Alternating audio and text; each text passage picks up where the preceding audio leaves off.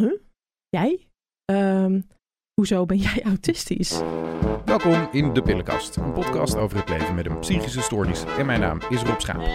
Vandaag een gesprek met Elze over autisme, ADD en PTSS, over prikkels, over God en over acceptatie. Nou, nou, dat komt omdat ik steeds mi- minder wil maskeren, omdat dat me zoveel kost. Ehm, dus mezelf letterlijk toestemmen om echt autistisch te zijn. En eh, het is eh, Elze, hè? Elze, ELZ. Dat is een hele bijzondere naam ook gewoon.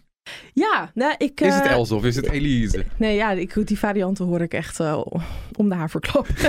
Else, Elsa vooral. hè, Elsa. Sinds Frozen er is, dan word ik vaak Elsa genoemd. Oh, echt? Ja, en ik werk met kinderen, dus dat gebeurt vaak. maar Elise, Elske, ja, ik heb ze toch eigenlijk allemaal voorbij horen komen. Maar het is, echt, Elze. het is echt Ja, Elze Het is echt officieel. Elze. Oké. E-L-Z-E. Ja, Welkom in De Pillenkast. dankjewel. Welkom in mijn studio. Ja, Eh, ik ehm, eh, heb je mail vanmorgen nog even zitten lezen. Ja. Pas in het vo- vorige voorjaar, dus eh, Ja. dan hebben we het over... eh, het, is bij- het is trouwens bijna voorjaar. het is bijna een jaar. heerlijk. Ja, ja. Eh, maar vorig voorjaar, toen heb je voor het eerst jouw diagnoses gekregen. Ja, laat ik het zo zeggen, niet helemaal, gedeeltelijk. Oh, Ik, gedeeltelijk. ik had al een diagnose ADHD, al, of ADD, al een aantal jaar. Dat heet nu allemaal ADHD inmiddels. Dat valt allemaal onder dezelfde vlag. Dat is, ja, dat is Oh. net als met autisme. Dat vroeger had je allerlei soorten autisme, Asperger, PDD-NOS en zo. Maar dat wordt nu allemaal autistisch spectrum disorder genoemd. Ja, Ehm, maar dat is ook bij ADHD dus. dat is bij ADHD inmiddels ook. Ah. Ja, en dus wat, je- wat is het eigenlijk het verschil? Want er is wel een verschil. ja, hè, er tussen- zijn eh, inderdaad meerdere varianten. In ADHD heb je er drie. Dan heb je echt de hyperactieve variant, zoals die heel vaak bekend is. Zeg maar dat de, de, de gillende, onrustige jongetjes in de klas. Ja, de druktemakers. De echte druktemakers die echt ook fysiek en ehm, ja, heel hyperactief zijn. Ehm, dan heb je de gecombineerde variant. Dat is wat ik heb. Dat is dan zeg maar het hyperactieve deel en het eh unattentive. Dus dat is snel afgeleid zijn, ehm, dromerig, noem maar op. Ehm, dan heb je ook nog ADD. Dat is echt alleen zeg maar ehm, ja, gebrek aan concentratie, snel afgeleid zijn. Ehm, het dromerige is heel vaak zo. eh, eh, geen dingen goed af kunnen maken. En, Klinkt allemaal zelf bekend. ja, dus, eh, maar het is vaak een opeenstapeling van allerlei factoren. En ik ben dus eerst gediagnosticeerd een jaar of acht geleden met alleen die ADD. Dus alleen dat, dat gebrek aan concentratie en ehm, dromerig. En toch wel ook wat problemen op school vroeger. Mijn opleidingen niet af kunnen maken. Hm. En toen, eh, vorig jaar, toen heb ik een nieuwe diagnostiek gekregen. En daar kwam toch ook wel uit dat er en toch een deel hyperactiviteit ook bij mij zit. Dus ik voel me heel vaak innerlijk heel erg hyperactief. Dus in mijn hoofd is het gewoon... hoe- superdruk. Hoe zou je dat omschrijven? Als onrustig? Ja, ik, ik, ik ben fysiek eigenlijk nooit echt super hyperactief. Ik beweeg wel vaak veel. Ik zit nooit echt helemaal stil. Maar ehm, het is vooral in mijn hoofd. En een onrustig gevoel in mijn lijf. Dus heel vaak. En, maar in mijn hoofd is het gewoon... Ja, ik zeg altijd, dit is mijn circus tent. Het gaat gewoon, eh dat is een ding-dong. Alles naast elkaar. En het raast maar door. Het is nooit stil. Word je daar moe van? Ja, doodmoe. Ja, Want je zit dan op de bank en dan blijven die gedachten maar gewoon in je hoofd ja gaan. het Dus je- raast. Ja, En heb je dan bijvoorbeeld één onderwerp wat heel erg in je hoofd zit en waar je dan heel te denkt? Of gaat het juist nee, alle het gaat kanten juist op? door elkaar. Het is echt juist alles door elkaar van hot naar her. En dat is ook die ADHD, dat je, dat je juist zo ontzettend veel tegelijk eh, in je kop hebt, waardoor je dus ook niet heel erg goed op één ding kunt focussen. Dus Ja. als je met iets bezig bent en je denkt alweer aan iets anders, of je ziet iets anders, dan ben je alweer vergeten waar je mee bezig was of waar je aan wilde beginnen. Dat gebeurt me ook heel vaak. Of dat mijn gedachten zo snel gaan dat als ik aan het praten ben, dat ik over mijn woorden struikel. Dan zeg ik wel tegen mijn vriendin: Oh, wacht. Even. Oh, mijn gedachten gaan te snel. Even. Moet ze even hergroeperen, zeg maar. En, eh, heb je dan ook dat je bijvoorbeeld als je in een gedachte zit en je bent hem aan het vertellen, dat je eigenlijk te snel gaat en dat iemand Ja. anders denkt, wat heb je het nou over? En dan, ja, nou. dat, dat komt mij dan weer bekend voor. Dan Ja, gaat het te precies. snel en ik- dan vergeet ik dingen tussendoor uit te leggen Ja, en dan ben ik alweer op een ander punt. Inderdaad, ja. Of dan weet ik al waar ik naartoe wil. Maar dan moet ik de weg er naartoe moet ik nog afleggen met mijn woorden. En dat is soms echt. ja, dat is heel goed dat is moeilijk. Ja. Ja. dat is wel echt hoe mijn ADHD zich uit. En gewoon heel erg snel afgeleid, bijvoorbeeld thuis. Als ik, eh, de oven bijvoorbeeld voorverwarm en dan gaat die piep als je klaar is. En dan hoor ik het gewoon niet. Oh ja? Oh. En dan zegt mijn vriendin, de oven ging. Oh ja. Weet je wel? Zulke nou, ik, dingen. ik, ja, het is wel grappig dat je zegt over die oven. want, Dus, dan zet ik de oven aan. Dan heb ik denk ik s'avonds, ah, ik wil even eh, iets lekkers maken. Ja. Zet ik de oven aan. Dan gaat die piep en ik, had ik de oven Had ik hem aangezet? ja, of mijn thee en koffie zijn ook altijd, nou ja, dan zijn ze maar half opgedronken of Koud, koud. ja. Ja. standaard. Maar weet je, het zijn gewoon heel veel van dat soort dingen. En ja, dat begint al bij, al van kinds af aan. Vooral bij mij kwam het op de middelbare school erg naar voren dat ik, ehm, ja, je hebt als ADHD'er vaak ehm, dat als je iets heel interessant vindt, dat heeft ook wel met autisme te maken bij mij. Dus een beetje een overlap, want dat heb ik dus vorig jaar gehoord, dat ik ook eh, autistisch ben. Dat was de tweede diagnose, of eigenlijk de hoofddiagnose, met daarbij ADHD. Ehm, maar dat, dat, dat is bij allebei de stoornissen, zeg maar zo.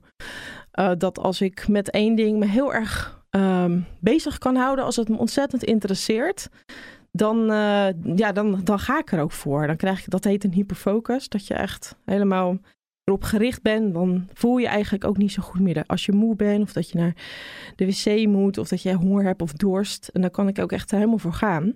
En dat, dan hebben we het echt over uren. Ja, dat kan echt de uren zijn. Ja. En dan, en dan, eh, dan duik ik er helemaal in. Maar ja, met schoolwerk en zo, dan ja, heb je natuurlijk zoveel verschillende vakken. Zeker op de middelbare school. Dat, eh, ja, dat heeft dan niet met desinteresse te maken. Maar het is gewoon moeilijk om gewoon ge- ge- gemotiveerd te blijven voor iets wat je niet zo erg interesseert. Dus die hyperfocus die heb je eigenlijk alleen maar op dingen waar, waar je echt ook eh, vanuit natuur een soort van Ja. interesse in hebt. Ja, precies. Dan voel ik, ik voel het ook zeg maar fysiek als dat gebeurt. Dan zit ik echt helemaal, word ik echt helemaal blij en alles doet dan mee. Dus je, je kan hem ook niet opwekken. Nee, ik kan hem niet opwekken. Nee, dat is Dat is gewoon, jammer. overkomt me. Ja, nou, ik- ja, precies. Ik weet wel inmiddels welke, op welke eh, eh, onderwerpen ik hyperfocus. Dus dan, dat scheelt wel een beetje. Maar ehm, ja, met schoolwerk dan is het vaak... Dan krijg je toch vaak te horen dat, eh, dat ik dingen afraffelde. Of dat ik eh, begrijpend lezen vond ik dan vaak... Dan ging ik veel te snel. En dan, dan dacht ik al dat ik wist wat er stond. En dan, eh, dan gaf ik toch het verkeerde antwoord Mhm. bij multiple choice. Dan ga je gewoon te hard. Dus je slaat gewoon zoveel details over. Dan, ja, dan, dan mis je dingen. En Dus, eh, ja. als je dat dan eh, terugkrijgt, zo'n toets, Mhm. zie je dat dan ook wel? Denk je dan als je dan terugdenkt, ah shit, ja, ik Ja, heb het ook zo snel gelezen, gek. Ja, ja, en dat is het. Hè. Je neemt het jezelf kwalijk dat je bijvoorbeeld eh eh, slordig gewerkt hebt of Ja. je al iets afgeraffeld of, of dat je ehm, gewoon, je raakt ook heel snel overweldigd. Dus je raakt over, overweldigd door alle dingen die er zijn. Je ziet zoveel details dat je gewoon niet meer weet waar je moet beginnen. Bijvoorbeeld, eh, ik had op school vaak echt moeite met projecten en met wat langere termijn dingen of een grote toets met veel leerwerk. Ja, dan wist ik gewoon niet waar ik moest beginnen met, met leren of met ehm, eh, iets maken. En dan deed ik het gewoon maar niet. Dus uitstellen en vervolgens eh, ja, en op het laatste moment in paniek raken. En dat komt eigenlijk omdat je dus die, die focus niet kan hebben op momenten dat je Ja. er niet, niet echt geïnteresseerd Nee, bent. nee eh, dat, eh, dus dat is de ene kant. En de andere kant is dat het dat gebrek aan overzicht. Dus dat, dat is ook wel echt een ding bij ADHD'ers en ook bij autisme. Dat gebrek aan overzicht hebben, dat je zoveel details ziet. Dat je overweldigd wordt door alles wat je moet doen. Of dat je wel ziet wat je moet doen. Maar dat, je, dat het zoveel is dat je niet meer weet waar je beginnen moet. En zijn Dus- daar trucjes voor te leren? Dat je dat, dat, je dat leert, jezelf aanleert om Ja. dat te doen? Ja, maar het is wel heel moeilijk. Ehm, ik denk, ja, ik, heb, ik ben 38, dus ik was nog net geen 38 toen ik, eh, toen ik beide diagnoses kreeg. Je ontwikkelt toch soort mechanismes om met dingen om te gaan. Want anders kom je niet waar je bent. Maar even goed heb ik bijvoorbeeld opleidingen niet afgemaakt, omdat dat dus heel erg moeilijk was. Ehm, maar ja, achteraf ga ik wat, kijk ik nu wel terug en denk ik, oh, ik heb echt superveel trucjes mezelf aangeleerd om met dingen om te gaan. Ja. Echt met in sociale situaties, maar ook praktisch, in huis. Want hoe doe je dat dan? Stel nou bijvoorbeeld een verjaardag. Mhm. Ik, ik, ik, ik, ik ga niet zeggen dat ik namelijk ook ADD heb of ADHD heb. Maar ik, ik ken heel veel van dit soort dingen. ja. Misschien is, is het er een overlap in. Ik heb geen Het idee. kan. Ja. Maar als je op zo'n feestje bent, dan kan ik Mhm. me voorstellen als je dan van die gedachten hebt, hot naar her. Hoe, Ja. hoe doe je dat dan? Zo'n sociaal contact Ja. aangaan met iemand. Dan moet je luisteren naar wat iemand zegt. Ja. Reageren. Ja, ja, ja, ja, dat is een heel complexe toestand eigenlijk. En nu achteraf begrijp ik pas ehm, hoe ik dat gecompenseerd heb. Ik ben iemand die, nu praat ik met jou, ik kijk jou aan. En ik kan een goed antwoord geven. Ik zit eigenlijk nu ook in een soort hyperfocus. Ehm, maar dat kost me wel wat. Dat kost me heel veel energie. Dus ik ben vanmiddag bijvoorbeeld gewoon kapot. Ja. Ehm, een feestje is voor mij, nou, het, eigenlijk is dat de prikkelhel, noem ik dat altijd maar. ja, daar vraag ik het ook. Ja, ja, nee, dat is een hele goede vraag. Nee, dat klopt. Want ja, je, er is zoveel geluid, er is zoveel. je- ja, ik heb niet het filter om bijvoorbeeld eh, als er vier mensen om me heen staan of meer, om dan me alleen met degene bezig te houden die voor me staat. Ik hoor de andere gesprekken ook. Ja. En, en dan moet ik mezelf forceren om daar niet op te reageren. Eh, geluid, eh, warmte. Nou ja, noem maar allerlei eh, prikkels op die eh, op dat moment eh, heel veel impact hebben. Dus feestjes zijn best wel, ja, ik noem het altijd maar, ik ga graag naar de keuken. of ik hou me met de kinderen bezig of met een dier of even naar de tuin als het goed weer is. Want dan, ja, daar is het rustiger. Maar En- betekent dat dat je het eigenlijk ook niet leuk vindt?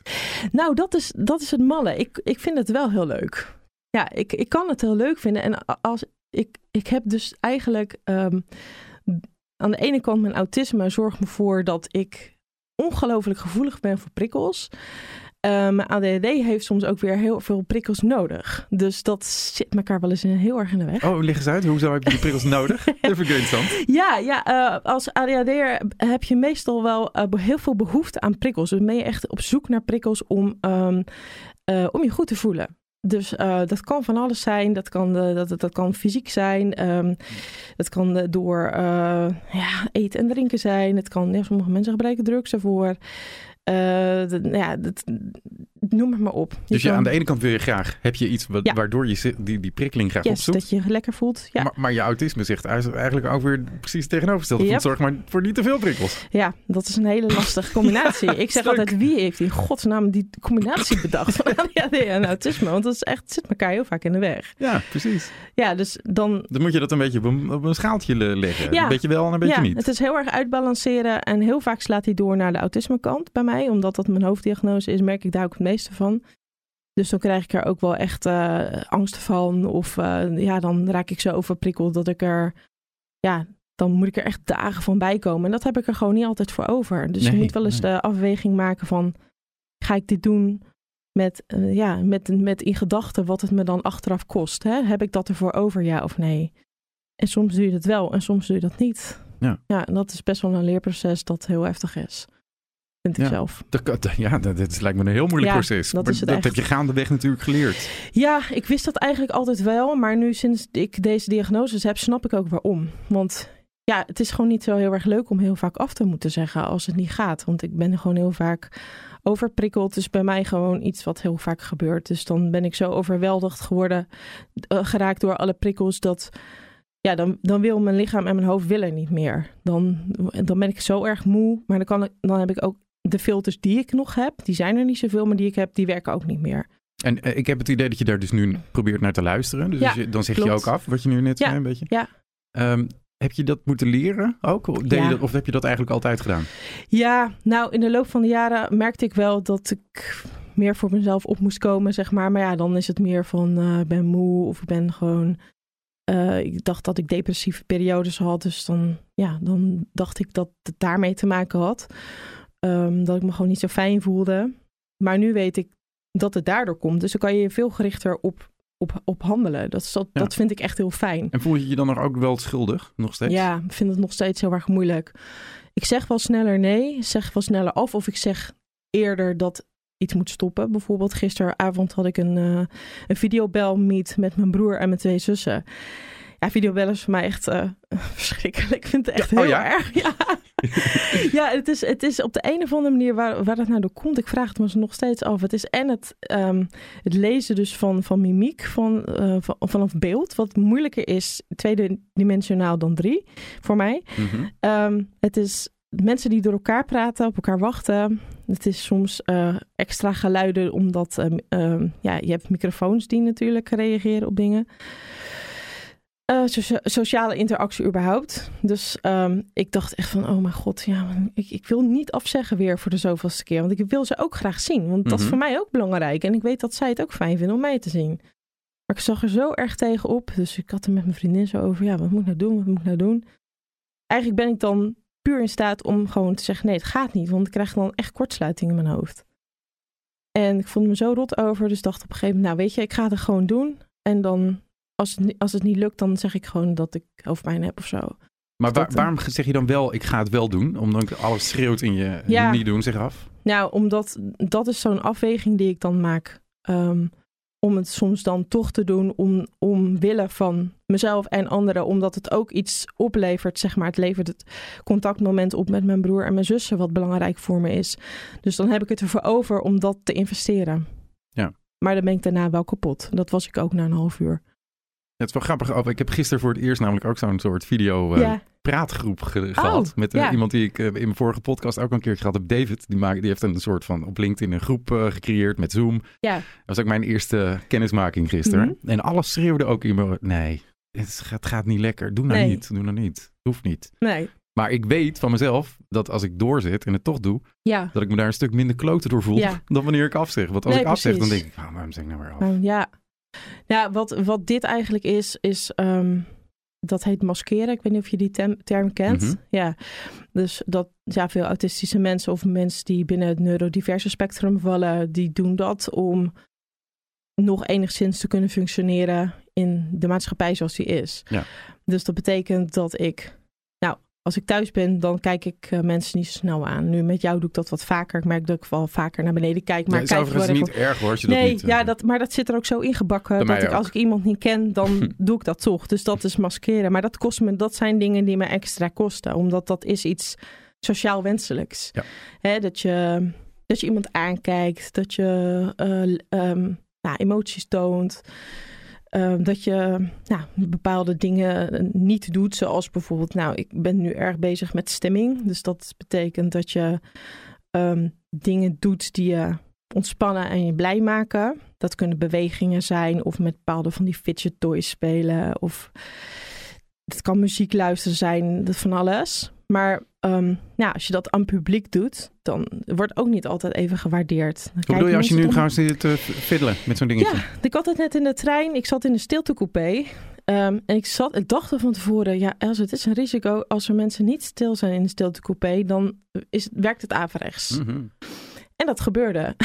er kwamen twee vrouwen binnen. Gebeurt altijd. Ja, het gebeurt altijd. En ik, het is gewoon dom van mezelf. Ik had gewoon ergens anders moeten gaan zitten. Maar ja, het stond voor mijn neus. Ik dacht, ga er toch maar naartoe. Het zag er rustig uit.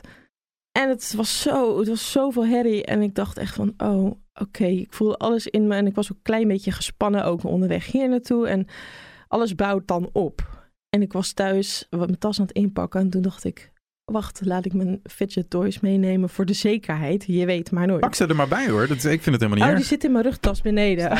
Zit hier, ligt hier ook een ei? Even kijken. Oh ja. Is een, dat is een, daar. Ja. Oh ja. Een, stuiterbal-ei. Oh, die is heel erg leuk. Ja, daar kan je Ja. lekker mee fietsen. Daar ligt hij ervoor. Ja, precies. Ja, ik heb van die, van die bandjes met spikes eraan. Die werken bij mij heel goed. Dus daar knijp ik dan in. En dat geeft dan een soort stress relief of zo. En eh, het zijn soms ook van die tangles die je dan kan draaien. En dingen waar je in kunt knijpen. En die pakte ik erbij. En ik kneep er even een paar keer in. Toen dacht ik, oh, ik ben blij dat ik dat gedaan heb. Wat, Ehm, wat gebeurt als je dat niet doet? Ja, dan loopt de spanning te veel op. Dan loopt de spa- spanning op in mijn hoofd en in mijn lijf. En dan voel ik eigenlijk een soort van druk ontstaan. En met, eh, ja, dat kan zich uiten uiteindelijk in een meltdown. Ehm, Wat gek dat dat dan gewoon een beetje friemelen met je vingers en Ja. een, een dingetje in je hand Ja. hebben. Dat dat, dat dat, komt. dat, dat is heel bizar om mee te maken. Ik voelde echt letterlijk de spanning wegtrekken. Weet je hoe dat komt? Waar dat in zit? Zeg maar hoe dat werkt fysisch. Ja, ehm, als je autistisch bent, dan heb je een, eigenlijk, het, het is een informatieverwerkingsstoornis, zo wordt het genoemd. Dus alle informatie die binnenkomt, dus van, eh, van, vanuit alle zintuigen, die moet je eh, hoofd verwerken in je lichaam. Maar bij mensen met autisme is, is dat zeg maar niet gefilterd. En komt het allemaal even hard binnen. Dus veel harder dan iemand zonder autisme. Ehm, nou ja, ik kan me voorstellen als er te veel dingen tegelijk gebeuren. Dat is net zo eigenlijk bij een wat oudere computer. Als ze dan te veel, als je te veel opdrachten geeft, dan loopt hij vast. En Ja. dan zegt hij, doe, ik doe het niet meer. Blue Eh, screen. Ja, precies, plop uit. ik loop vast of ik, eh, of, ik, eh, of ik crash. Dat is eigenlijk de goede vergelijking zoals ik het voel.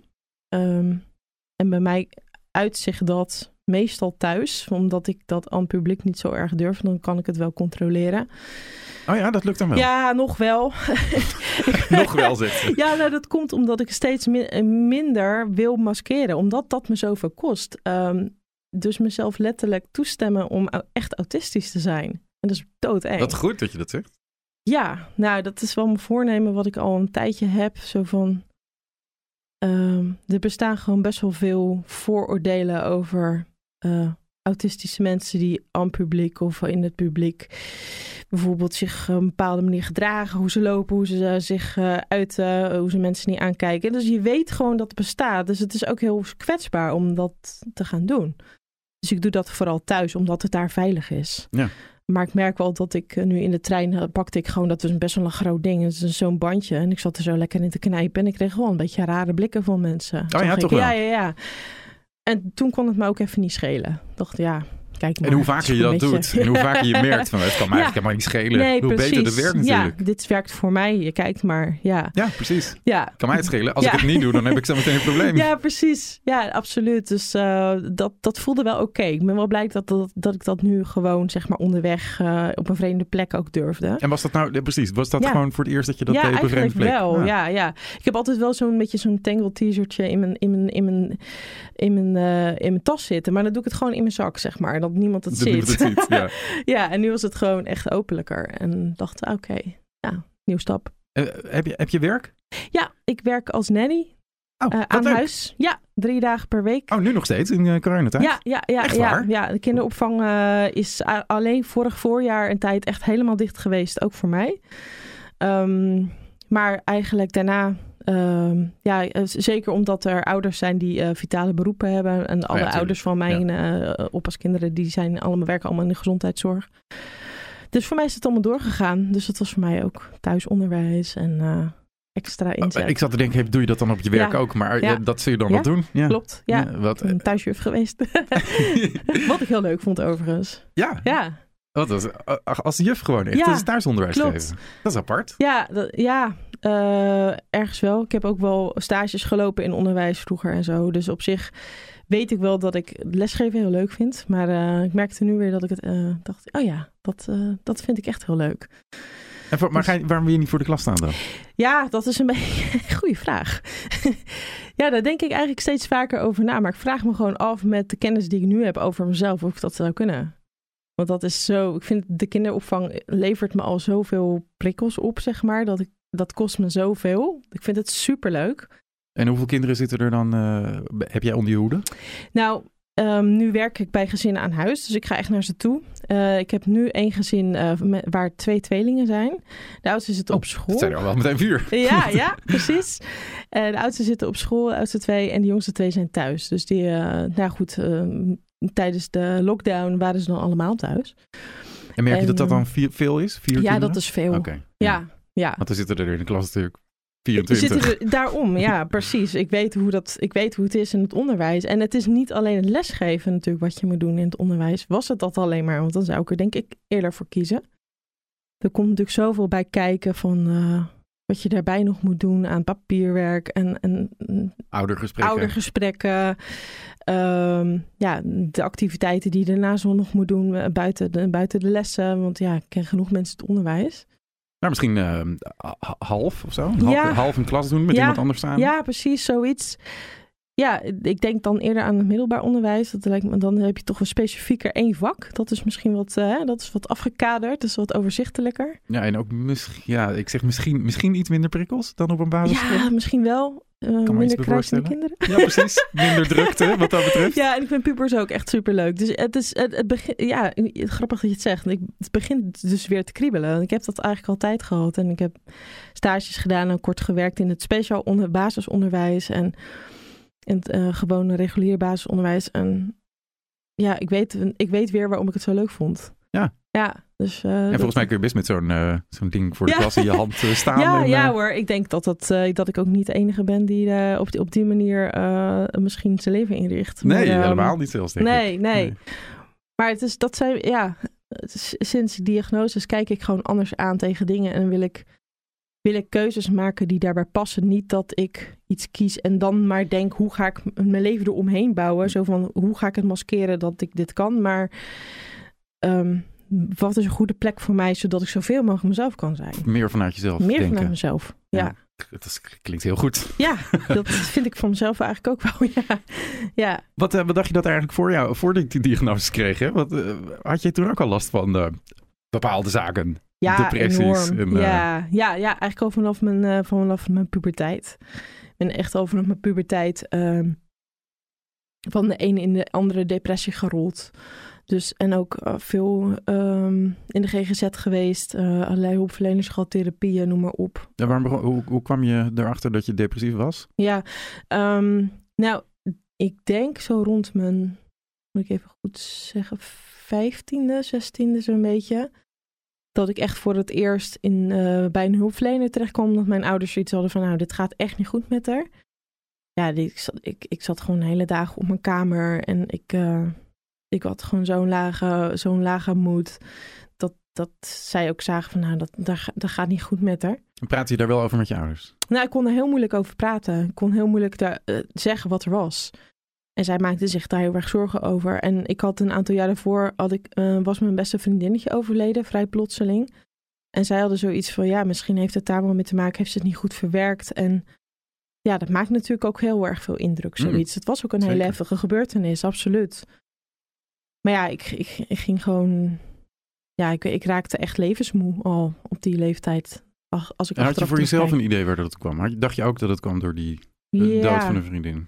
Ja, ergens wel. Maar ergens wist ik ook wel dat er. Het voelde alles bedekkend. Dus het was niet alleen dat het, als ik dan me niet goed voelde, dat het over haar ging. Maar dan had ik gewoon geen zin meer in dingen. School was moeilijk. Contact met, eh, met mijn vriendinnen werd wat minder. Ehm, dus ja, mijn ouders eh, die dachten, ja, ze moet gewoon hierover gaan praten met iemand. Die hebben mij toen naar een maatschappelijk werker gestuurd. En uiteindelijk ben, bij- ben ik ook bij een psycholoog terechtgekomen. Oh, maar even nog een klein stukje, want als Ja. je ouders dan tegen je zeggen... Els, het gaat niet eh, goed Ja. eh, volgens mij eh, Ja. met jou. Was dat voor jou ook een verrassing of was je blij dat je ouders dat zeiden? Nou, dat weet ik eigenlijk niet zo heel erg goed meer. Zit ik nu te bedenken dat ik niet meer heel goed weet hoe ik me daarover voelde. Als je 15 bent, is best, Ja. een, best een ding als Ja, iemand tegen je zegt... zeker. Je moet met iemand gaan Nou, praten over ik denk niet eh. dat het me heel erg verbaasd heeft, want ik voelde me ook gewoon echt, ik voelde me echt verschrikkelijk. En ik weet nog dat ik op een gegeven moment, ik kwam eerst bij een maatschappelijk werkzaam terecht en ik nam geloof ik een keer een stukje dagboek mee. En daar stonden echt suïcidale gedachten in. Dus niet dat ik echt actief dacht aan, aan suïcide, maar wel van dat ik geen zin meer had om te leven, omdat ik dat heel zwaar vond. En daar schrok zij zo van. En mijn ouders ook uiteindelijk dat ik eh, doorverwezen ben naar een psycholoog. En ehm, ja, Kan je die gedachte nog herinneren? Ja. Wilde je toen ook echt dood? nee, ik wil, ja. Ik weet nog dat ik een keer een van mijn vriendinnen sprak. En ehm, die zei ook van, eh, dat ik tegen haar zei dat ik, dat ik er de zin niet meer zo van inzag. En dat zij heel erg begon te huilen. Dat ze het heel moeilijk vond. En ik vond dat een hele normale gedachte. Ja. ja. Sorry, sorry. Ja, nee, dat snap ik heel hoor. erg. Ja, Nee, nee. Ik lach er ook wel eens om zulke dingen. Want ja, het echt, ik- dat klinkt heel erg zo, dat iemand er helemaal in paniek raakt. Dat jij denkt, ja, eh, hallo, Ja, dit is toch gewoon dit is mijn leven. Precies. Ja, maar dat, dat gaf wel een soort shock op dat moment voor mij ook wel goed. Om te realiseren van, dat dat niet normaal was. Precies, dat, andere mensen daar heel anders op reageren. ja. Ja. En ook dat die maatschappelijk werkzaam van schrok. Daar schrok ik weer van. Toen dacht ik, ja, jij bent een Ja. wel? Help maar gewoon. Ja, en ook wel, ik denk ook wel dat ik toen al best wel goed. Ik ben best wel goed met woorden. Ik kan mezelf goed verwoorden. En ik, ik kan ook wel om dingen heen lullen. En dat kon ik denk Mhm. ik toen ook al. Dat ik niet echt liet zien wat er nou echt was. Dus door dat te lezen, en dat schreef ik thuis op in mijn eentje. Ehm, dat, dat zij toen echt zag wat er was. En dat, en dat toen ook doordrong van, ja, hier zit wel iets meer achter. En ik ken dat wel, wat je zegt.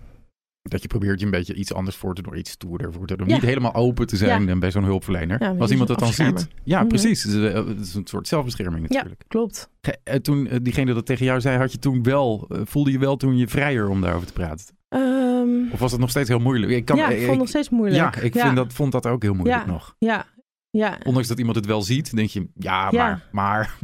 ja, ik ben ook heel vaak, en achteraf snap ik nu wel waardoor komt. Ik ben ook heel vaak ehm, ze, uh, ze hebben hulpverleners gezegd dat, dat ze niet snapten waarom ik zo laconiek daarover deed. Hè, dat het leek alsof dat normaal was. Terwijl het was voor mij normaal. Ja. Ehm, en, en, dat ik me waarschijnlijk niet echt goed kon uiten waar mijn gevoelens over gingen. Dat denk dat dat achteraf wel veel met mijn autisme te maken had. Dat ik dat lastig vind om sommige, soms woorden te geven aan mijn gevoelens. Dat vind ik nog steeds. Dat duurt soms een tijdje. Omdat je ze dan zelf ook moet leren kennen? Ja, dan, dan voel ik van alles, maar dan heb ik. Er zit een discrepantie tussen het voelen en er, woorden aan geven. Dus dat, dat, dat, er zijn wel meer mensen met autisme die dat ook uh, hebben. Um, dan duurt het gewoon langer voordat je echt uh, weet wat, wat je nou voelt. Dus wat, wat, wat het gevoel is en wat het betekent. Ja. Voor jou precies. Precies, want zijn die begrippen wel helemaal duidelijk dan ook voor nee, je? Dat is het niet altijd. Wat geluk is en wat ongeluk precies, is. Precies, en wat, wat, wat, wat, wat betekent depressief of wat is verdriet? Ja. Dat is natuurlijk best wel abstract. En als je 15 bent, nog steeds. Dan helemaal misschien. ik ben 41, ik vind het nog steeds heel moeilijk. Ja, absoluut, same. Ja, nee, ik ook. Ik leer het wel. Ik leer wel beter te verwoorden. En iets minder die termen ook te gebruiken. Dus ik voel nu... Uh, uh, ik, kan wel zeggen, het voelt stressvol om hierover te praten. Of ik voel uh, dat mijn hartslag omhoog gaat. Weet je, dat ik dan iets meer benoem wat er feitelijk gebeurt. Dus minder, zeg maar, een abstract gevoel te noemen. Dat helpt me iets meer om sneller te duiden wat er aan de hand is. Ja. Dus dat uh, achteraf ja, zie je gewoon met zo'n diagnose veel meer van... ja, dat was toen ook wel aan de hand. En ja, ze zaten, het was een cyclus van steeds een paar jaar ertussen dat het wat beter ging. En dan zakte het weer af en dan weer terug. En dat heeft eigenlijk al die tijd geduurd tot een aantal jaar geleden. En wat was toen dan de diagnose die eruit rolde toen je 15 was? Of zeg maar doorverwezen werd via de maatschappelijk werk naar depressief. Echt... Depressief. Depressief, hm. ja. Ja, ook ik... antidepressiva gekregen toen ook dan? Ja, geloof toen ik op mijn vijftiende niet, maar op mijn negentiende wel. Hm. Ja. ja. En hoe beviel dat? Ja, dat, ik ja dat, werkte, dat werkte goed. Ik merkte echt dat, dat ik daardoor um, dat dat zeg maar die randjes er een beetje afhaalde. Dus niet, niet meer continu helemaal afzakken naar het diepe. En dat, dat, ik weet niet hoe lang ik dat toen geslikt heb. In die tijd was ik er ook nog van overtuigd dat ik het gewoon zelf moest kunnen. Want ik slik het nu gewoon al heel lang een basisdosis. Hetzelfde antidepressief? Nee, wel oh, wat anders. Ik slik nu citalopram al een aantal jaar op een lage dosering, zodat dat voor mij, ja, dat zal, daar zal ik gewoon een heel lang aan vastzitten. En ik, ik overweeg daar ook niet meer om daarmee te stoppen, want dat helpt mij gewoon om niet af te zakken naar die depressie. Hm. Um, en dat is heel wat waard. Dat is heel veel waard. Ja. zeker. Maar achteraf denk ik wel eens, zijn het ook echt depressies geweest? Of was het een autistische burn-out? Want dat is ook een gegeven wat ik heb leren kennen na mijn diagnose. Dus mm, mensen met autisme, autistische mensen die als ze zo lang maskeren of zo lang zeg maar zichzelf niet helemaal kunnen zijn of helemaal niet kunnen zijn, dan lopen ze vast. op een gegeven moment dan wil het lichaam en het hoofd wil gewoon echt niet meer. En dan kom je in een autistische burn-out terecht. Als je dat zo lang negeert of daar niet mee om kunt gaan of de ruimte niet hebt om mee om te gaan, want je kan er ook heel vaak niks aan doen, dan dan, dan, ja, dan stopt het op een gegeven moment gewoon. kan je dat herleiden naar iets? Kun je dan, want bij een depressie is het vaak moeilijk om echt je vinger te leggen op, oh, dat komt daardoor wat er is gebeurd. Maar dat lijkt me bij, misschien bij zo'n burn-out makkelijker te zeggen dan. Nou ja, bij mij was het, ik heb gewoon best wel veel meegemaakt in de, de afgelopen, nou, eigenlijk heel mijn leven eigenlijk wel. de afgelopen heel mijn leven. ja, ik, ik werd op mijn uh, zeventiende zwanger van mijn, uh, van mijn zoon. Ja, ik ben een tienermoeder. Ja. Dus en um, ik kom uit een zeer christelijke omgeving. En daar werd van me verwacht dat, uh, of van ons verwacht, wij vonden dat zelf eigenlijk ook, omdat dat zo hoorde, dan gingen we trouwen. Dus ik was op mijn achttiende getrouwd en zwanger. Dus ja, dat zijn natuurlijk enorme life-changing dingen. Je bent zelf amper volwassen, eigenlijk helemaal nog niet. Niet? Je bent een kind met een kindopkomst. Ja. Dus weet je, ik had gewoon een, nou, die relatie die was toen eigenlijk al niet echt heel erg steady. En die, we gingen scheiden na een niks aantal jaar, na zes jaar. Weet je, en daarna gebeurde er nog een aantal best wel heftige dingen. Dus elke keer was er, als er dan een depressie was of een, een periode van dat het slecht met me ging, overspannen, dan was het altijd daaraan gekoppeld. En dat klopt ook wel, denk ik, grotendeels. Want ja, zulke grote veranderingen in je leven, dat heeft op iedereen impact Tuurlijk. natuurlijk. Ja, onwijs. Een kind Ja. krijgen, hallo. Ja, Op je 17 ook. Ja. dat is heel heftig. ja. Ja, dat eh, zet alles op zijn kop. En kon je, daar wel, eh, kon je dat wel goed handelen? Want het is namelijk, eh, ik stel me zo even, ik denk even terug naar acht jaar geleden toen mijn dochter net geboren werd. Ja, En toen was ik gewoon zeg maar redelijk echt wel gewoon volwassen. ja. Ja, dat, dat, dat waren ook al een hoop prikkels. En een Ja. hoop gedoe en een hoop drukte en niet slapen. En, eh, nee, dat klopt. Ja, dat, dat, dat, dat heb je altijd. ja, maar als je Eh, 17 precies. bent. En, en dan helemaal. Ja, nee, achteraf. Ja, dat, dat, dat, ik weet niet. Ik, soms vraag ik me gewoon af hoe ik dat gedaan heb. Maar Achteraf. was dat, kijk er wel terug op een, was het een leuke periode? Nee, dat was geen leuke periode. Nee, dat vind ik ook best wel erg. En ik ben echt dol op mijn zoon. Al vanaf, van- vanaf de seconde dat ik hem in mijn armen had verliefd. Eh, de, de- de fantastisch Gelukkig. kind. Ja, het is echt een joch. Hij is, nou, hij is 20 nu. Dus het is, ja, het is een boomlange gozer waar ik heel trots op ben. Even groetjes doen. Hi. Hey. En, ehm, maar gewoon de, de situatie zelf. Het was gewoon geen fijne, geen fijne, veilige omgeving om zeg maar zo jong eh, in een relatie die ook niet stabiel was, eh, een, een kind te krijgen. En dat ook op te voeden. En ik weet nog dat toen hij net geboren was, dat ik, mijn vriendinnen, we gingen allemaal nog naar school. Eh, die gingen allemaal opleidingen doen, gingen op kamers wonen. Ehm, en, en intussen was ik gewoon, zat ik in een, op, in een plaats die ik niet kende, met mensen die ik niet kende, met een kind. Ehm, ja, dat was heel gek. Had je een eigen huis? Hadden jullie... Ja, we hadden wel een eigen flatje inderdaad. Maar ja, ik was bij hem eh, in de buurt gaan wonen omdat hij daar een vaste baan had. Dus ja, dan, hij had zoiets van, dan, eh, dan zorg ik wel voor jullie. was een hele goede intentie hoor. Dat heeft hij ook zeker echt heel goed opgepakt. Daar ben ik ook nooit boos op geweest of zo. Maar ja, het waren gewoon de omstandigheden Ja. op dat moment. Hij heeft jullie niet dat- in de steek gelaten? Nee, zeker niet. Nee hoor, en hij is ook heel gek op zijn zoon altijd geweest. Dus het is echt wel eh, iemand die op dat moment ook gewoon zijn best deed. En dat deden we allebei, maar we wisten allebei ook gewoon niet hoe het, hoe het anders moest. Nou, dus dan ben je 17 jaar en Ja, zit je op zo'n flatje ergens. Ja, in, dat eh, slaat nergens op. Waar je nog niet eerder gewoond Nee. hebt. En, en dan? Nee, ja, ik werd heel ongelukkig. Ja, joh. Ja, dat ging ook niet echt heel erg goed met mij. Dus ik een aantal jaar later, of nou een jaar later, ik denk dat hij toen, ja, zo'n beetje een jaar. Toen kwam ik ook alweer in GGZ terecht, omdat ik hem echt depressief voelde. En ehm, Hoe is dat als je een kind hebt, zo Ja, jong, en je moet naar. weer opnieuw? Ja. ja, ja, je voelt je echt, eh, voelt echt alsof er iets mis is met je. Alsof je het niet, eh, het is continu het gevoel van falen. Dus eh, dit kan ik ook al niet. Hè? Ik kan mijn school niet afmaken, mijn opleiding niet afmaken. Nou heb ik een kind dit- en dan kan ik niet verzorgen. Nee, precies. Hè? Tenminste, eh, Nee, dat ik heb, dat ik niet. heb ik eigenlijk ook fout gedaan. Want Ja. dat moest natuurlijk allemaal netjes voor het huwelijk bewaard Precies. worden en zo, zulke dingen. Dus ja, het voelde als falen op falen op falen. En toen ging ik daarna ook in de avonduren weer een opleiding doen. En toen mijn zoon klein was en dat lukte me ook niet om af te maken. Het gevoel van falen is heel lang heel groot geweest. Mezelf dom voelen, mezelf eh, minderwaardig. Ehm, nou, ik, ik, ik vond, ik vond mezelf echt niet leuk. Er was weinig leuk aan jou. Nee, er was weinig leuk aan mij. Nee, ik vond mijn uiterlijk niet leuk. Ik vond eigenlijk niks leuk. Maar je gaat me niet vertellen dat het tot en met vorig jaar geduurd heeft. Nou, nee. Gelukkig. nee, ik, ik heb wel. ehm, eh, ik heb daarna nog een relatie gehad. En ehm, toen, ik, toen die over was, toen ging het een stuk beter met mij. Toen heb ik een aantal dingen aangepakt. Toen dacht ik, nu ga ik echt voor mezelf kiezen. Maar die tweede relatie, als je het niet wil vertellen, je weet, dan moet je het Ja. niet vertellen. Nee, Maar eh, dat klinkt ook niet als een hele gezellige relatie. nee dat, was, dat was het niet. Ik ga er inderdaad niet eh, te veel over in detail. Maar dat, daar zijn dingen gebeurd die, eh, die me PTSS bezorgd hebben. Hmm. Dus dat was heftig genoeg. En ehm, ja, ik, ik moest daar weg uit de relatie voor mijn eigen veiligheid. Dus ik ben, en voor die van mijn zoon overigens. En dat heb ik gedaan. En ehm, Hoe dan? Gevlucht uit eh, huis ja, naar een opvang? Van, nee, dat niet. Wel naar een vriendin. Uiteindelijk kon ik in het huis blijven waar ik toen woonde. Maar ja, met een heleboel ellende. Uiteindelijk wilde ik ook daar weg. Dus toen ben ik eh, naar Rotterdam verhuisd. Daar woon ik nu. Maar echt vanaf de andere kant van het land. Dus Oh dat, ja. ja, Oh, echt Ja. waar? Waar kom je vandaan oorspronkelijk dan? Welke regio? hier. Oh ja. Oh, ik zei hier, maar ik bedoel Rotterdam. Zo, Rotterdam. Rotterdam omgeving. Ik ging weer terug naar mijn eigen omgeving. Ah, oké, oké, oké. Ik wou zeggen, nee, Ja. je klinkt helemaal niet... eh, Nee, je klinkt wel een beetje daar vandaan komend. Ja.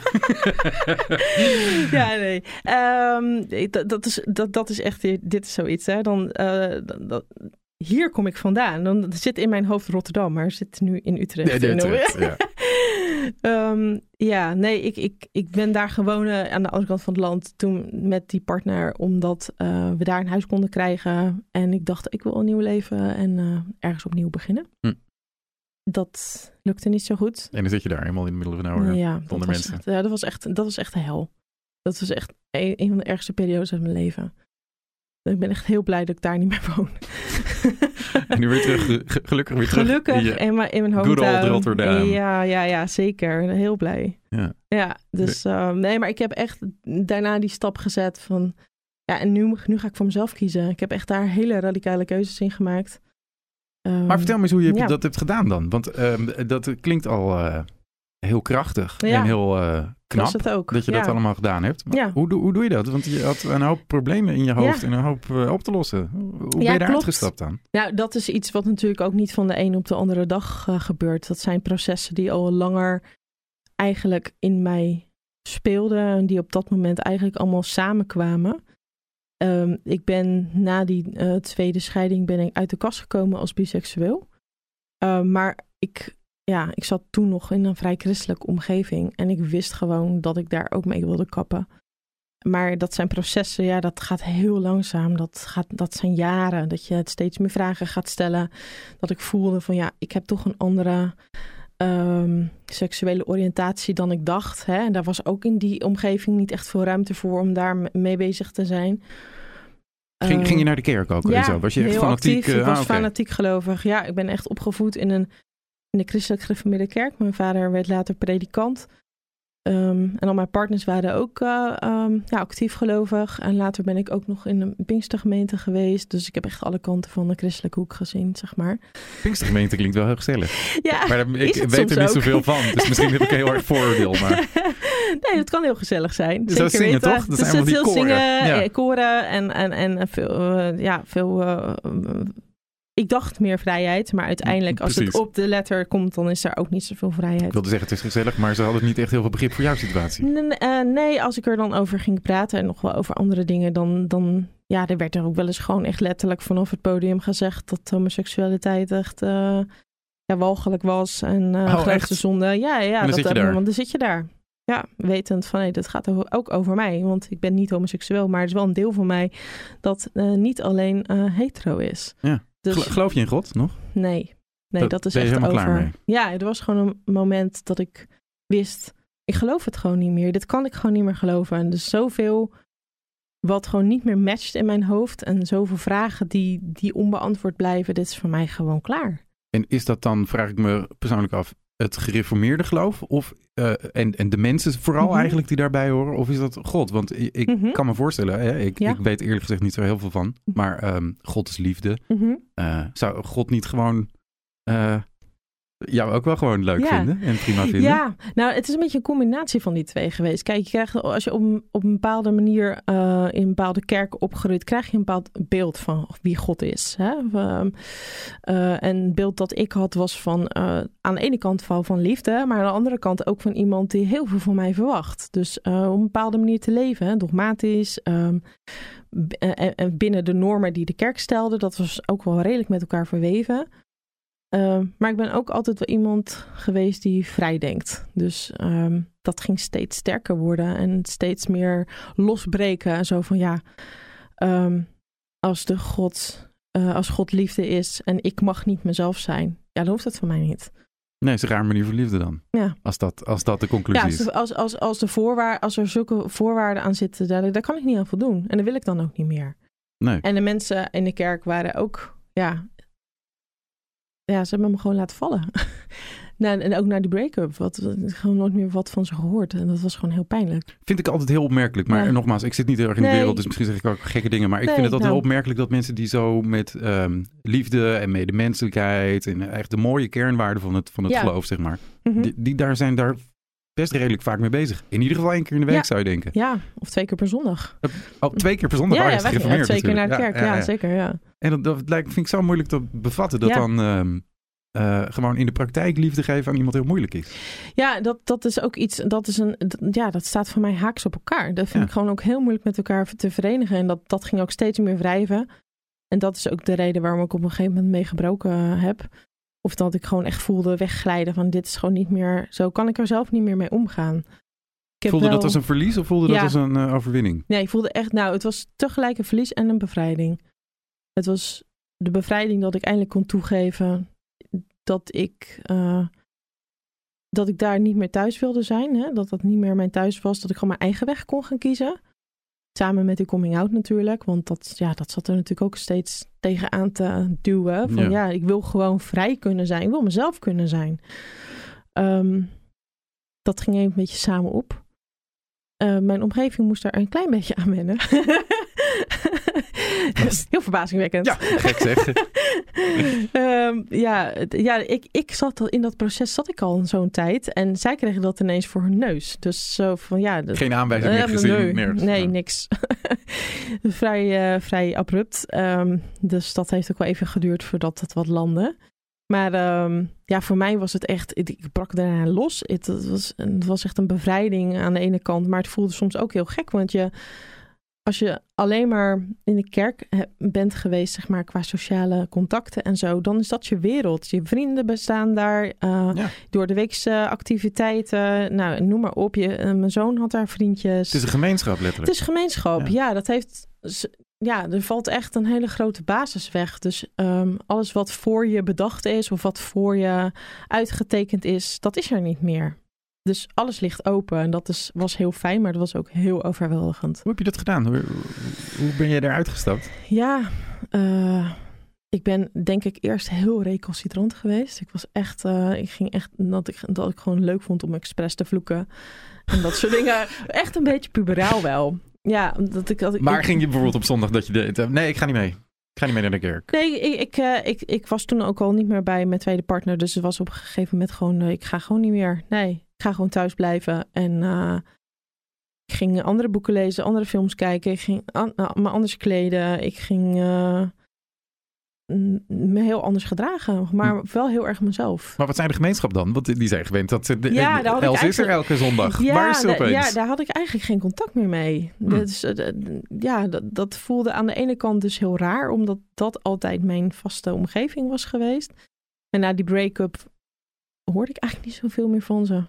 Dus dat, dat viel eigenlijk ook weg. En, Dus wat je zei, ze hadden je gewoon echt laten vallen. En, eh, ja, verder ze- niet meer ja, naar je voor mijn gevoel hebben ze. Ik, ik, ik, ik houd bij mezelf. Ik, voor mijn gevoel eh, hebben ze me laten vallen op dat moment. Ehm, ik moest echt op zoek naar een nieuwe invulling voor ook ehm, vrienden, en sociale contacten. En dat heb ik online gevonden op dat moment. Twitter, Instagram en Facebook toen de tijd nog. Ehm, ja. Hoe werkt dat als je zo lang... Wat, hoe oud was je toen, toen je zeg maar definitief Ehm, brak? Ik denk, ik denk 233. Dus dan heb je eigenlijk... Nou, nee, je, je hele leven ongeveer... Ja. Is dat een deel geweest? Ja, En, en dan opeens valt dat, valt dat weg? ja. Eh, werkt het dan dat je net als met eh, mensen die heel lang gerookt hebben... en opeens anti-roker worden als ze stoppen? dat je echt eh, er een hekel aan krijgt en denk god, waar was ik al die tijd mee bezig? Ja, ja da- da- daar gaan heel veel processen eh, v- eh, op starten op zo'n moment. Ehm, je gaat terugkijken natuurlijk op dingen. En je, je bent op dat moment ook echt wel anti.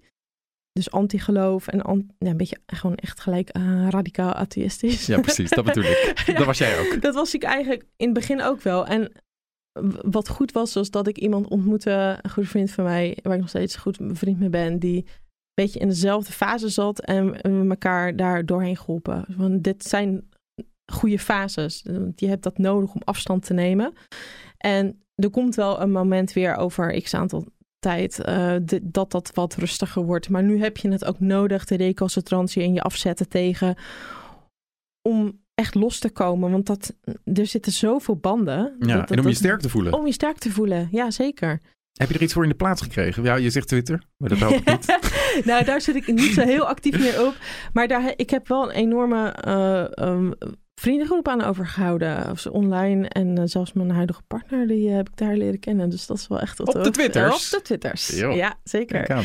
Het brengt ook nog liefde, Twitter. Ja, breekt zelfs dat is alleen maar de narigheid. Ja, absoluut. Dat is de, de, de kant die mensen misschien niet zo vaak horen. Maar het, ja, het heeft me toch wel wat gebracht. En ook wel echt goede vrienden.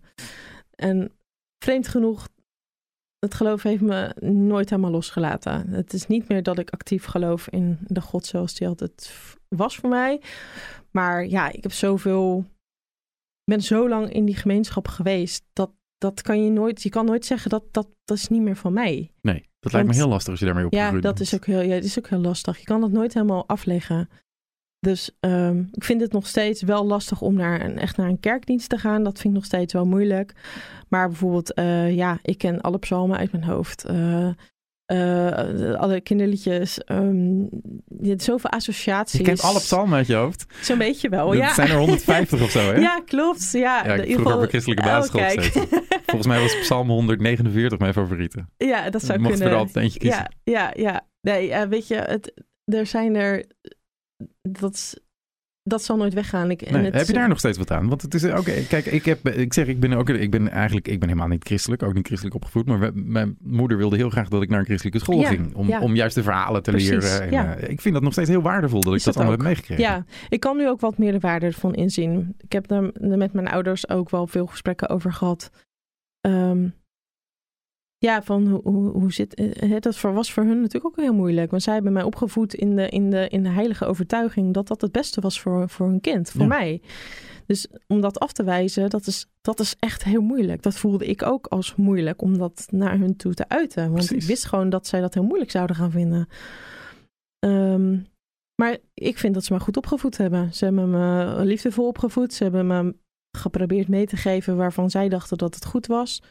Een veilige omgeving gecreëerd. Normen en waarden. Ik heb me heel muzikaal opgevoed. En daar heb ik nog steeds profijt van. Dus er zijn ook een heleboel dingen die wel oké zijn. Maar aan de andere kant... het hele vast omlijnen van zo moet je, zo moet je leven, zo moet je geloven... Ehm, a- eh, eh, het beeld van God ook als ehm, iemand die je kan straffen. Of eh, het, het, terugkomen van God op aarde na de, de eindtijd. En eh, het oordeel of je wel ook niet in de hemel mag komen. Ja, dat, dat zijn dingen waar je als kind al mee bezig bent. En dat is echt wel heftig. Ja, dat vind ik ook een van de ergere Ja. dingen van het geloof. Dat, het Ja. zo'n, eh, dat er altijd een, een oordeel geveld wordt ergens op den duur. En dat er iemand meekijkt over je schouder de hele tijd. Dat Heeft, en dat vind ik dan zo haak staan op de andere boodschap van liefde, die wel zo mooi is. Nou ja, kijk, daar kan ik een heel theologische uitleg over geven hoe dat in elkaar steekt. Nou, maar ik- nee. nee, dat gaan we niet doen. Hé, jammer. nee, maar ehm, nee, dat, is het. Hè. Ik, dat is aan de ene kant weet je hoe dit uitgelegd wordt in de kerk waar ik ben opgevoed. Hè, hoe die dingen met, zich met elkaar verhouden. Daar kan ik gewoon een antwoord op geven. Aan de andere kant staat het voor mij ook zo haaks op elkaar. Ja, omdat je de uitleg snapt, maar het voelt niet zo. Het voelt niet zo. Ja, precies. Dat Ja. is echt een enorm. Ja, er zit een beetje een, er zit wrijving tussen. En ik merk dat ook nog wel eens dat ik dan in de, de neiging heb om in de verdediging te schieten als mensen zeggen: Ja, maar eh, te geloven, dit en dat. Dan denk ik, ja, mijn ouders zijn geen domme mensen. Nee, mijn nee, nee. vader heeft een universitaire, universitaire opleiding gedaan. Dat is echt geen, geen domme man. Eh, en mijn moeder is ook geen dom mens. Het zijn mensen die eh, liefdevol zijn voor hun omgeving en voor hun naasten. Maar zij zijn ook gegroeid in de loop van de tijd. Zij zijn Heb je hier wel eens met je ouders praat je hier wel zo? Zeker, jawel. Ja, ja, wat- zeker. Want je vader die zei, nou, is, is predikant? Mijn vader hè? is predikant. Ja, ja. Die, zit er eh, natuurlijk super diep in dan. ja, klopt. Ja. Ik, en wat eh, vindt hij van zijn dochter die eh, daar zo anders over denkt inmiddels? nou, dat, dat vinden ze niet makkelijk. Maar we hebben wel altijd geprobeerd het gesprek daarover te hebben. Hè? Dat, dat, dat de liefde inderdaad sterker is dan de verschillen. Ja. Met ups en downs. Ehm, maar we proberen altijd wel weer manieren te vinden om elkaar te vinden. En dat vind ik heel fijn, want ik merk dat zij, zeker de laatste jaren, ook wel gewoon durven te zeggen van, ja, we weten ook niet alles. We weten niet precies hoe dit zit of wa- wat het antwoord daarop is. En dat vind ik fijn, want dan heb je niet meer dat sterke dogmatische van, Oké, maar dan val ik buiten de boot als je er zo over denkt. Hè? Dan toch meer van. Heeft ze dat veel moeite gekost om dat, om dat op dat punt te komen? Om jou zeg maar te accepteren zoals jij bent? Nou, ik denk dat ze me altijd wel geaccepteerd hebben zoals ik ben. Alleen ze hebben gewoon de moeite met.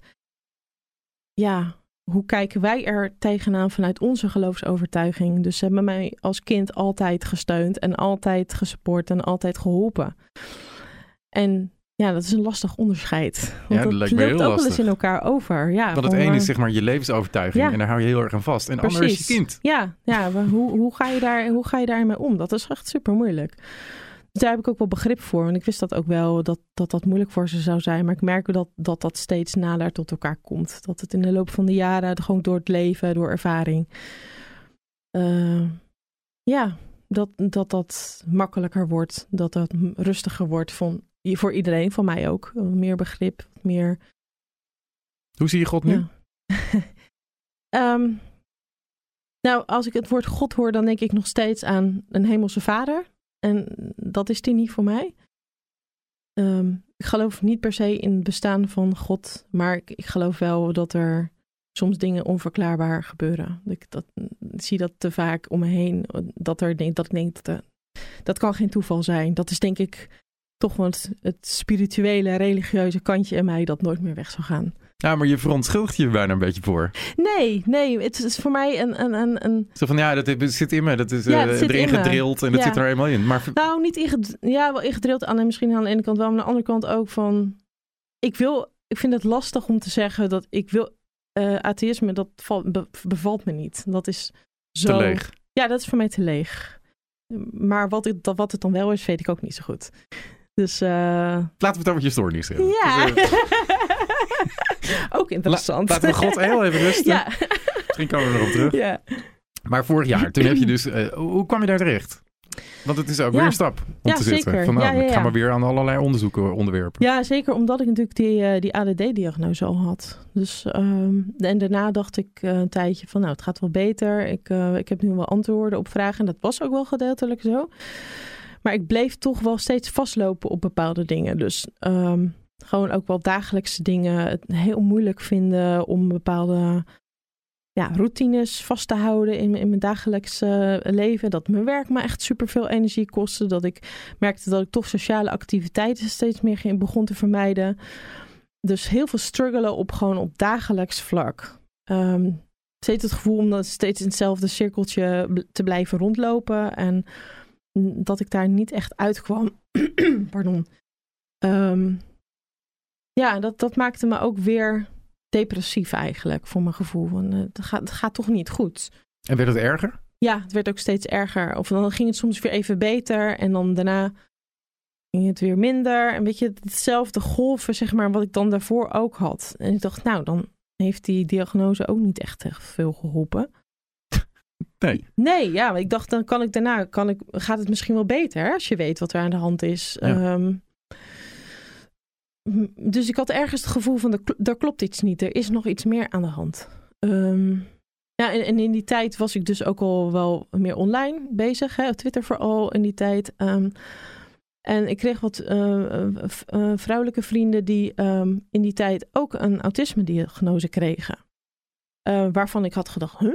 Jij? Ehm, hoezo ben jij autistisch? Hè, dat is een beetje een... Het, een- het vooroordeel van autisme. eh, Ja, zo Ja, ja. van je ziet er niet autistisch uit. Precies. Dat is de bekende uitspraak. Nou, dat, die had ik ook eigenlijk wel een beetje geïnternaliseerd. Het is niet voor, niet voor niks dat dat een beetje een eh, bekend eh, gezegde is. Want ja, dat het heeft te maken met stereotype denkbeelden Heel erg. natuurlijk. Ja. Ja. Ja. Zeker bij autisme. Ik denk dat bij autisme het allerergste is. Ja, dat Want denk ik is toch wel ja. aan de ene kant het meest bekende. ja. En eh, daar hebben we films van gezien. Precies, en Rain, Rain Man. Man. En, Ja. eh, precies. Ja, dus eh, ja, en toen, toen kreeg ik eigenlijk gewoon meer inzicht eh, door hun verhalen over hoe autisme zich bij hun uitte. En ik begon daar steeds meer van te herkennen. En ik dacht, ja, maar wacht even. Maar dit heb ik ook, en dit heb ik ook, en dat heb ik ook. En, en- en bij elk gesprek ehm, werd het me steeds duidelijker. Totdat ik op een gegeven moment het boek las. Maar je ziet er helemaal niet autistisch uit van Bianca Toeps. Dat heet echt Leuk. zo. Ja, is echt het is een hele grote Goeie titel. aanrader. Ja, goede aanrader. Ehm, en en dat, dat, dat ging over mij. Ik dacht, dit gaat, dit gaat helemaal over mij. alles wat zij beschreef over hoe ze functioneerde, over eh, uh, wat, wat voor effect dingen op, op haar hadden. Um, dacht, ja, dit is voor mij serieus genoeg om, uh, om, om, om onderzoek te laten doen. En toen je, heb je gewoon de telefoon gepakt, het GGZ uh, in de buurt gebeld ja, in Rotterdam. Naar de huisarts. Dat, dat nou, ik vond het nog best wel een, een grote stap, eerlijk gezegd. Nou, dat bedoel ik. Dat is ja. namelijk, dan zit je op de bank en denk je, nou, dat, de, hier herken ik me wel een, uh, heel erg in. En wat is dan, hoe, hoe ga je dan vervolgens dat de, uh, contact zoeken weer? Want dat is, wat je zegt, grote stap. Zeker een grote stap. Ja, zeker omdat er in mijn familie, directe familie, ook mensen zijn die autistisch zijn. En dat zijn eigenlijk allemaal mannen. Um, dus um, ik had zoiets van, ja, maar dat ben ik, dat, zoals zij zijn, zo ben ik niet. Hm. Dus ik had gewoon heel erg vooroordeel ook over, uh, zelf over autisme. Hè? Dus dat, dat, dat, dat ontgaat onszelf ook niet. Helemaal nee hoor. Nee, nee helemaal niet. Eerlijk gezegd weet ik pas een beetje wat het is sinds ik deze podcast doe. Ja, ja, moet je nagaan. Maar en ik heb gewerkt met iemand met autisme zelfs. Ja, precies. Ja, ja. Nee, maar ja, dat, dat, dat, hebben heel veel mensen. Dus ik kan mensen ook niet altijd heel erg kwalijk nemen dat ze stereotyp denken. Maar Um, ja, want het had ook effect op mezelf. En uh, ook omdat er wel eens tegen me gezegd was in plagende zin. Uh, ja, maar jij bent echt autistisch hoor. En dat ik dacht, ja, maar dat ben ik helemaal niet. Weet je, dus ik wil dat helemaal nee, niet, zijn. niet zijn. Nee, nee maar dus, dat, dat is ook wat er heel vaak gebeurt. Als je zegt, ik ben autistisch, dan vinden mensen dat echt heel erg. Dat is echt een soort, ja, dat is een, een, een ergere diagnose kan je eigenlijk niet krijgen. Ja, nee, ik snap wat je bedoelt. Dat is heel zwaar. Het is eigenlijk alsof je over jezelf zegt, ik ben een beetje raar. Ja, Want ik dat, ben... dat uh, horen mensen namelijk als je zwaar. dat zegt. En het is ook zwaar, maar het is aan de andere kant... Ik was heel blij toen ik het wist. Maar dat ging wel een tijdje overheen. Want uh, ik moest me aanmelden inderdaad. Uiteindelijk ging ik naar de huisarts voor een verwijzing. En een aanmelding bij, uh, bij Autisme Centrum Utrecht. Kenniscentrum Utrecht. Um, daar was echt een enorme wachtlijst. Je moest echt iets van, uh, van een half jaar wachten of zo. Oh, ja, dat was echt bizar lang. Ja. Maar Andere ik had wel weer. zoiets van, ja, ik ben nu 37. Ik heb al zo lang zonder uh, eventuele autisme-diagnose gedaan. Dan kan dat er ook nog wel bij. En ik wilde per se daar, want zij, ik wist dat zij kennis hebben over autisme bij vrouwen. Oh. Um, omdat juist dat dus niet dat hele typische beeld geeft vaak. Omdat vrouwen over het algemeen veel meer maskeren dan mannen. Oh ja, is dat zo? Is een ja, mannen opener met ja. dit soort dingen? Ja, Of autistische mannen dan? Um, nou ja, het, het komt ook om, omdat uh, de manier van hoe, hoe wij opvoeden en opgevoed worden is toch wel nog steeds. En dat wordt gelukkig minder, maar toen ik klein was zeker nog. Uh, uh, vrouwen zijn over het algemeen socialer. Uh, die, um, hè, er wordt ook van ze verwacht dat ze socialer zijn. Jongens, hè, als die een beetje stoer doen en lopen te trappen en te vechten, ja, dan is dat gewoon typisch jongensgedrag. Weet je, toch, toch echt dat stereotype man-vrouw en, en daar dingen van verwachten. Daar komt het ook door dat meisjes. Um, meer verbergen. Dus meer verbergen wat ze moeilijk vinden. Dus uh, uh, en bepaalde interesses bijvoorbeeld heel sterk hebben. Ja, dan ben je, heb je een paardenmeisje. Ja, dat, dat vindt paarden helemaal geweldig. Dat is normaal, hè? Dat Mhm. vind, uh, terwijl dat ook een soort obsessie kan zijn, wat bij autisme hoort. Noem maar even wat. Um, ja. Zit wat in? Ja, er zitten, het is wat subtieler, zeg maar, over het algemeen. Maar dat komt dus ook vooral door, door maatschappelijke rollen en verwachtingen. En dan hebben we het nog niet eens over non-binaire mensen, trans mensen, want daar zijn er ook een heel veel van in de autisme-gemeenschap. Hè, dat, dan krijg je natuurlijk ook nog, dan heb je ook nog een heel ander verhaal. Want die voldoen ook niet aan het stereotype uh, nee. jongens uh, met autisme, uh, nerdy Nee, helemaal beeld. niet. nee, Nee. helemaal niet. Terwijl ze dat wel kunnen zijn. Maar er Ehm, is niet een equilibrium. Ik zit te denken, het is niet iets wat vergelijkbaar is met inderdaad het paardenmeisje. Nee. Het is niet een jongen die... eh, Nee, Dan is het meteen een probleem als die daar Precies. vol op gefocust is Ja. op één iets. Op dinosaurussen. ja, precies. Of, echt, eh, of alleen maar met cijfertjes bezig is. Hè? Ja. Dat, dat, dat echt dat nerdy... eh Dat is wel grappig dat je dat zegt. Ik heb Ja. nooit eens over nagedacht. Want bij meisjes zou je inderdaad niet meteen de link leggen met Nee. een paardenmeisje. Oh, dat is misschien wel een beetje een, eh, een obsessie Ja, ergens. precies. Nee, maar dat is als je, als je een onderzoek laat doen, dan ga je dus ook terugkijken naar je kindertijd of dat soort elementen er dus ook zijn. En je ziet ook vaak dat dat veel subtieler zich uit, of dat dat niet opgevat werd als, als iets problematisch. Problematisch, nee. nee. Nee, het is gewoon een meisje die altijd bezig is met paarden. Ja, of ik, was zelf nog geen paardenmeisje, maar ik, ik was wel heel snel, ik was wel heel verlegen. Ik vond, ik vond naar school gaan altijd heel eng. Ik uh, bleef ook liever binnen. Um, weet je, en mijn ouders hadden zoiets, ja, dat is gewoon Elze, weet je wel. Uh, ik zat liever met mijn neus in de boek dan dat ik buiten speelde. Ik vind naar buiten gaan nog steeds lastig. Dat, is, dat zit gewoon in mij. Uh, ja, dus um, wat was ook alweer je vraag? Weet ik niet meer. Maar autisme voor vrouwen, oh, dat was in ieder geval. Voor vrouwen, ja, ja, daar hadden we het over. Ja, um, ja dus de, de, de, dat is ook de reden waarom um, bijvoorbeeld de, de vrouwen die ik kende, die waren allemaal rond de 30 of ouder toen ze die diagnose kregen. Omdat zij dus heel lang ook steeds in depressies waren of vastliepen op bepaalde dingen waar ik me ook in herkende. Um, dus toen gingen er echt wel kwartjes vallen. En, en, ik wilde gewoon heel graag weten of dat, uh, of dat het kon zijn. Of dat het antwoord zou geven op, op, op, op mijn struggles. Die, die, er al zo lang zijn. Want ik, ik deed echt super mijn best. Maar hm. ook mijn ouders zeiden ook... we zien ook dat je zo, zo erg je best doet. Maar vinden het gewoon heel verdrietig dat het niet lukt. En dat is ook heel erg heel verdrietig. Want je kan nog zo je best doen. Maar als je elke keer weer op je neus gaat... dat is steeds weer dat falen waar we het net ook al over hadden dan heb je het gevoel van ja, ik kan, het, ik kan gewoon niet normaal leven. Dat, dat is gewoon heel frustrerend en heel vermoeiend ook. En dan is het eigenlijk ook wel fijn als je leest, oh, er zou iets, dit, ja, zou, dit zou het kunnen precies. zijn. Precies, ja, dat was voor mij echt zo van, wacht, oh. Ik ben niet een totale mislukking. Precies. Ja. Het was voornamelijk, en dat gebeurde ook wel na mijn diagnose, dat ik um, dat het een opluchting was. Dat ik, dat ik snapte hoe ik in elkaar zat. Hé, hey, wacht, maar dit en dat en dat. En het gebeurt nog dagelijks dat ik dingen ontdek die daarmee te maken hebben. Dat is echt, nou, dat gaat nog wel een tijdje door, denk ik. Ja. En toen kwam je daar. Ja. Uh, toen zei je dus, uh, neem ik aan zelf tegen de hulpverlener. Nou, ik weet wat ik heb. ik heb autisme en help nou, mij. Ja, ze, ze, vragen wel inderdaad van uh, waarom denk je dat, hè, waarom denk je dat dit onderzoek nodig is? En ze gaan wel ook echt vragen wat je zelf ziet. Dus ze nemen okay. het wel heel serieus. Dat hm. is wel heel goed. Het is eigenlijk een beetje een grapje. Maar ja, ik, want... ik, weet het. ja, zo van ik heb al zelf diagnose gesteld. Ja, ik weet al lang wat er is, jongens. Nou, maar dat is bij autisme dus heel vaak zo. Dat bijna alle diagnoses, zeker op latere leeftijd, beginnen met zelfdiagnose. Ja. Omdat je zoveel informatie nu beschikbaar hebt online, bijvoorbeeld uh, in communities hebt online um, met mensen die elkaar helpen. En dat je en, en bijvoorbeeld ook veel meer um, atypische dingen worden verteld. Dus niet meer dat stereotype beeld. Dus veel meer kennis beschikbaar, waardoor je ook sneller kunt zien of, of er misschien iets van jou, uh, op, op jou van toepassing is. En dat, zo is dat bij mij ook gegaan. Dus eigenlijk is heel waardevol.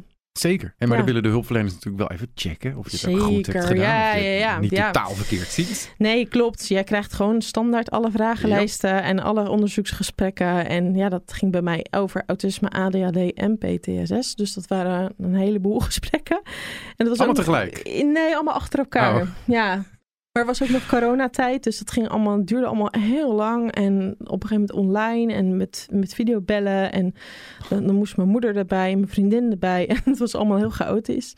En je had al zo'n uh, plezier in videobellen. Ja, fantastisch.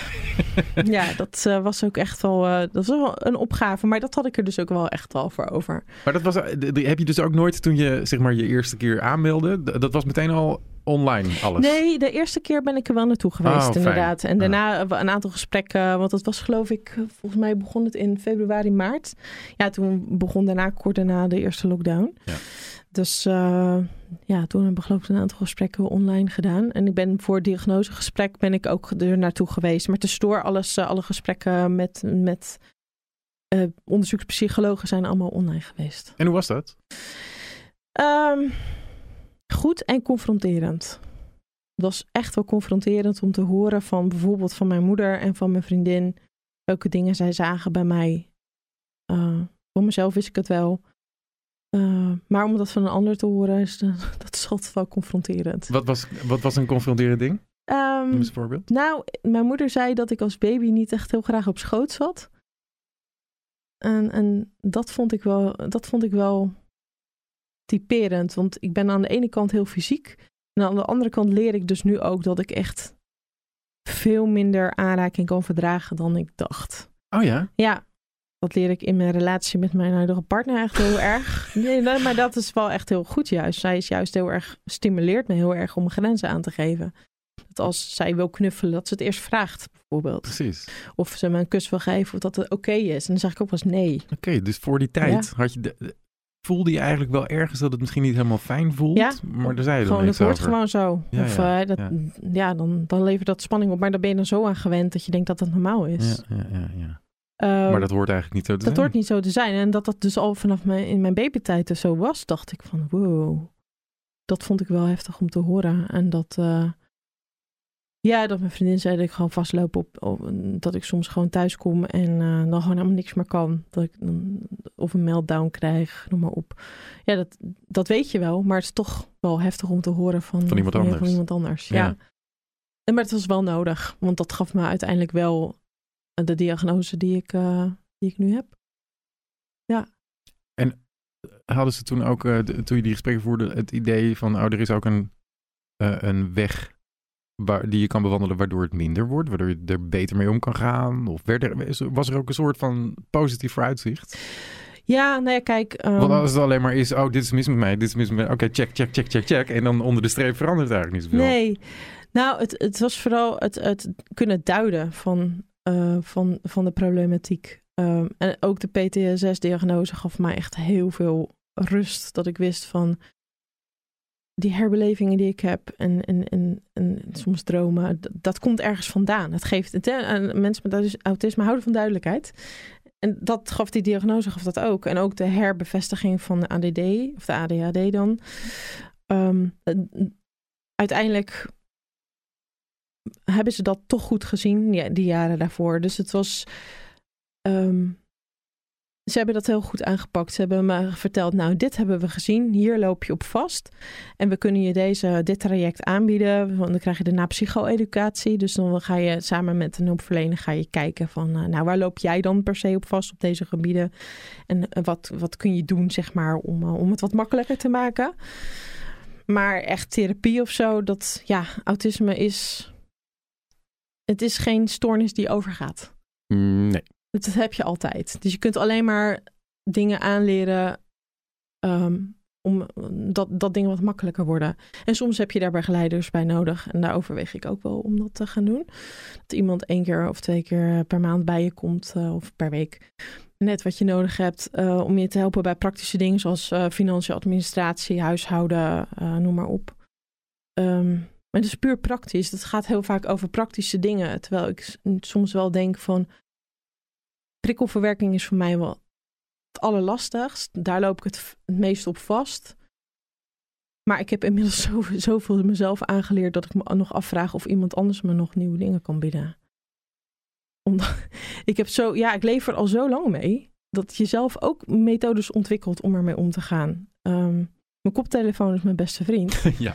Ja, Ja. die noise cancelling headphones zijn echt eh, een uitkomst. Ehm, erover praten samen met mijn partner is ook heel erg belangrijk. Met mijn omgeving, het kunnen uiten. Maar ja, Dus Ik- de diagnose zelf heeft je eigenlijk ook al gewoon een heleboel rust. Ik probeer te begrijpen hoe dat dan ja komt. Want snap ik. ehm, toen ik de diagnose kreeg, eh, bipolair, dat viel bij mij niet echt een last van mijn schouders. Ik dacht eerder juist, ah, fuck, Ja, label bam op mijn hoofd. Ja. Dus dat, dat heb ik. En dat Ja. op zich maakte de, sommige dingen wel, plaatste wel een beetje in perspectief. Mhm, Van oké, ja. dat komt daardoor en dit. mhm. Maar het was niet dat er bij mij een last van mijn schouders afviel. Van dat ik dacht, ah, oké, dit is er dus met mij aan de hand. Alle symptomen bleven op zich hetzelfde. Ja. Mijn struggle bleef hetzelfde. ja, Er was alleen, zat alleen een stickertje op nu. Nou, bij mij be- begon er echt een proces van aan de ene kant dus super blij was ik, omdat ik wist van hè, hè eindelijk snap ik hoe ik in elkaar zit. Eh, dingen vallen op zijn plek. Dus aan de ene kant is echt een opluchting. Zo voelde het echt. En ook als, als duidelijkheid, wat dus ook heel veel rust geeft. Maar in de weken en de maanden daarna, na die diagnose, werd ik ook wel echt drongen tot me door wat het nou betekende. Dus wat betekent het nou om autistisch te zijn? Eh, welke dingen zijn dat dan? Ehm, en dan, ga je terugkijken op je leven. Je bent bezig met je dagelijkse dingen. Oh, dan ga je ook steeds meer in herkennen. Dus je bent zowel bezig met het verwerken van dingen. Dus terugkijken op, op, op, op 37 jaar leven zonder diagnose. Oh, die dingen. Oh, dat zou ook wel zo. Oh ja, dat had er dan denk ik ook mee te maken. En hoe ik er toen op reageerde. Oh, dat ook. En nou, dat, dat, dat is zoveel. En ehm, bij veel autistische mensen zijn dingen heel erg gefragmenteerd. Dus dingen gaan niet echt van, nou, als één, iets één keer gebeurt, is dat ook van toepassing op andere situaties. Maar dan moet je dat elke keer weer opnieuw doen of meemaken of uitvoeren. Hm. Dat ging bij mij ook zo. Dus alle details van ongeveer heel mijn leven komen voorbij, nog steeds. En moet ik daar ook weer, oh ja, dat is autisme. Dus En geeft dat je dan rust om te denken... Oké, dat was autisme. Dat is Ja. dus niet mijn eh, gekheid of zo. Of eh, dat is niet mijn raar. falen. Precies, het is niet falen. Het is niet dat ik het gedaan heb. Het is gewoon autisme. Daar kan ik niks aan doen. Het geeft me zoveel mildheid naar mezelf. Dus alles wat ik mezelf ooit heb kwalijk genomen over eh, dingen die ik niet heb afgemaakt of dingen, keuzes die ik heb gemaakt. Ehm, autisme is niet een ziekte die je hebt naast je persoonlijkheid. Het is helemaal verweven met wie je bent. Daarom zeg ik ook, ik ben autist. Niet ik heb autisme, ik ben autist. Ik vind het ook niet eng om te zeggen, maar want dat is wie ik ben. Het heeft me gemaakt tot wie ik ben. Dat, is, dat zit in mijn genen, Ja. in, in, in de aanleg van mijn, van mijn hersenen. Ehm, en mijn lichaam reageert er ook zo op. Het is helemaal zijn, eh, heeft me, is autistisch. Dus ehm, ja, zo ga je ook terugkijken naar dingen die er gebeurd zijn. Terwijl je ook bezig bent om te ontdekken hoe ik vandaag de dag om moet gaan met deze diagnose. Er gebeurt heel veel. Dat Ja. is heel veel tegelijk. Dat is heel intens. Want ik kan me dus inderdaad, als je het zo uitlegt, kan ik me een stuk beter voorstellen. Dat het Mhm. dus een soort rust inderdaad geeft. Ja. Van ik, ah, oké, Ja, zeker. fijn. Als ik terugkijk, Ja. dan was dat en dat en dat. Had, daar, had het met dat autisme te Ja. maken. Maar dat is iets anders dan de dag eh, vormgeven. Want dan Ja. moet je van, met je diagnose aan de slag. Zeker, ja. Ja, dat is, dat is, dat is de andere kant. En ehm, ik, het gaat me steeds beter af. Dat ik steeds meer in kan schatten wat iets me kost. eh, waar ik rekening mee moet houden. Eh intussen ben ik gaan samenwonen. Mijn vriendin is bij mij komen wonen. Dus dat ja, was ook wel een, best wel een grote Door corona? verandering. Ja, onder andere door corona ook. Maar ook gewoon dat we er gewoon zin in hadden. Ook belangrijk. Ja,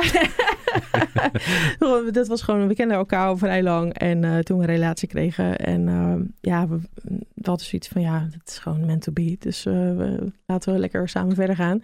En door corona zat ze al heel veel bij mij. Ja. En woonden, woonden ver, ver- vrij ver bij elkaar vandaan. Dus ja, dat was gewoon ook wel gewoon de beste keuze voor ons op dat moment. Ehm, dus ik heb door die veranderingen met net wetend dat ik autistisch ben, geleerd van wat, wat, zo'n verandering met mij doet.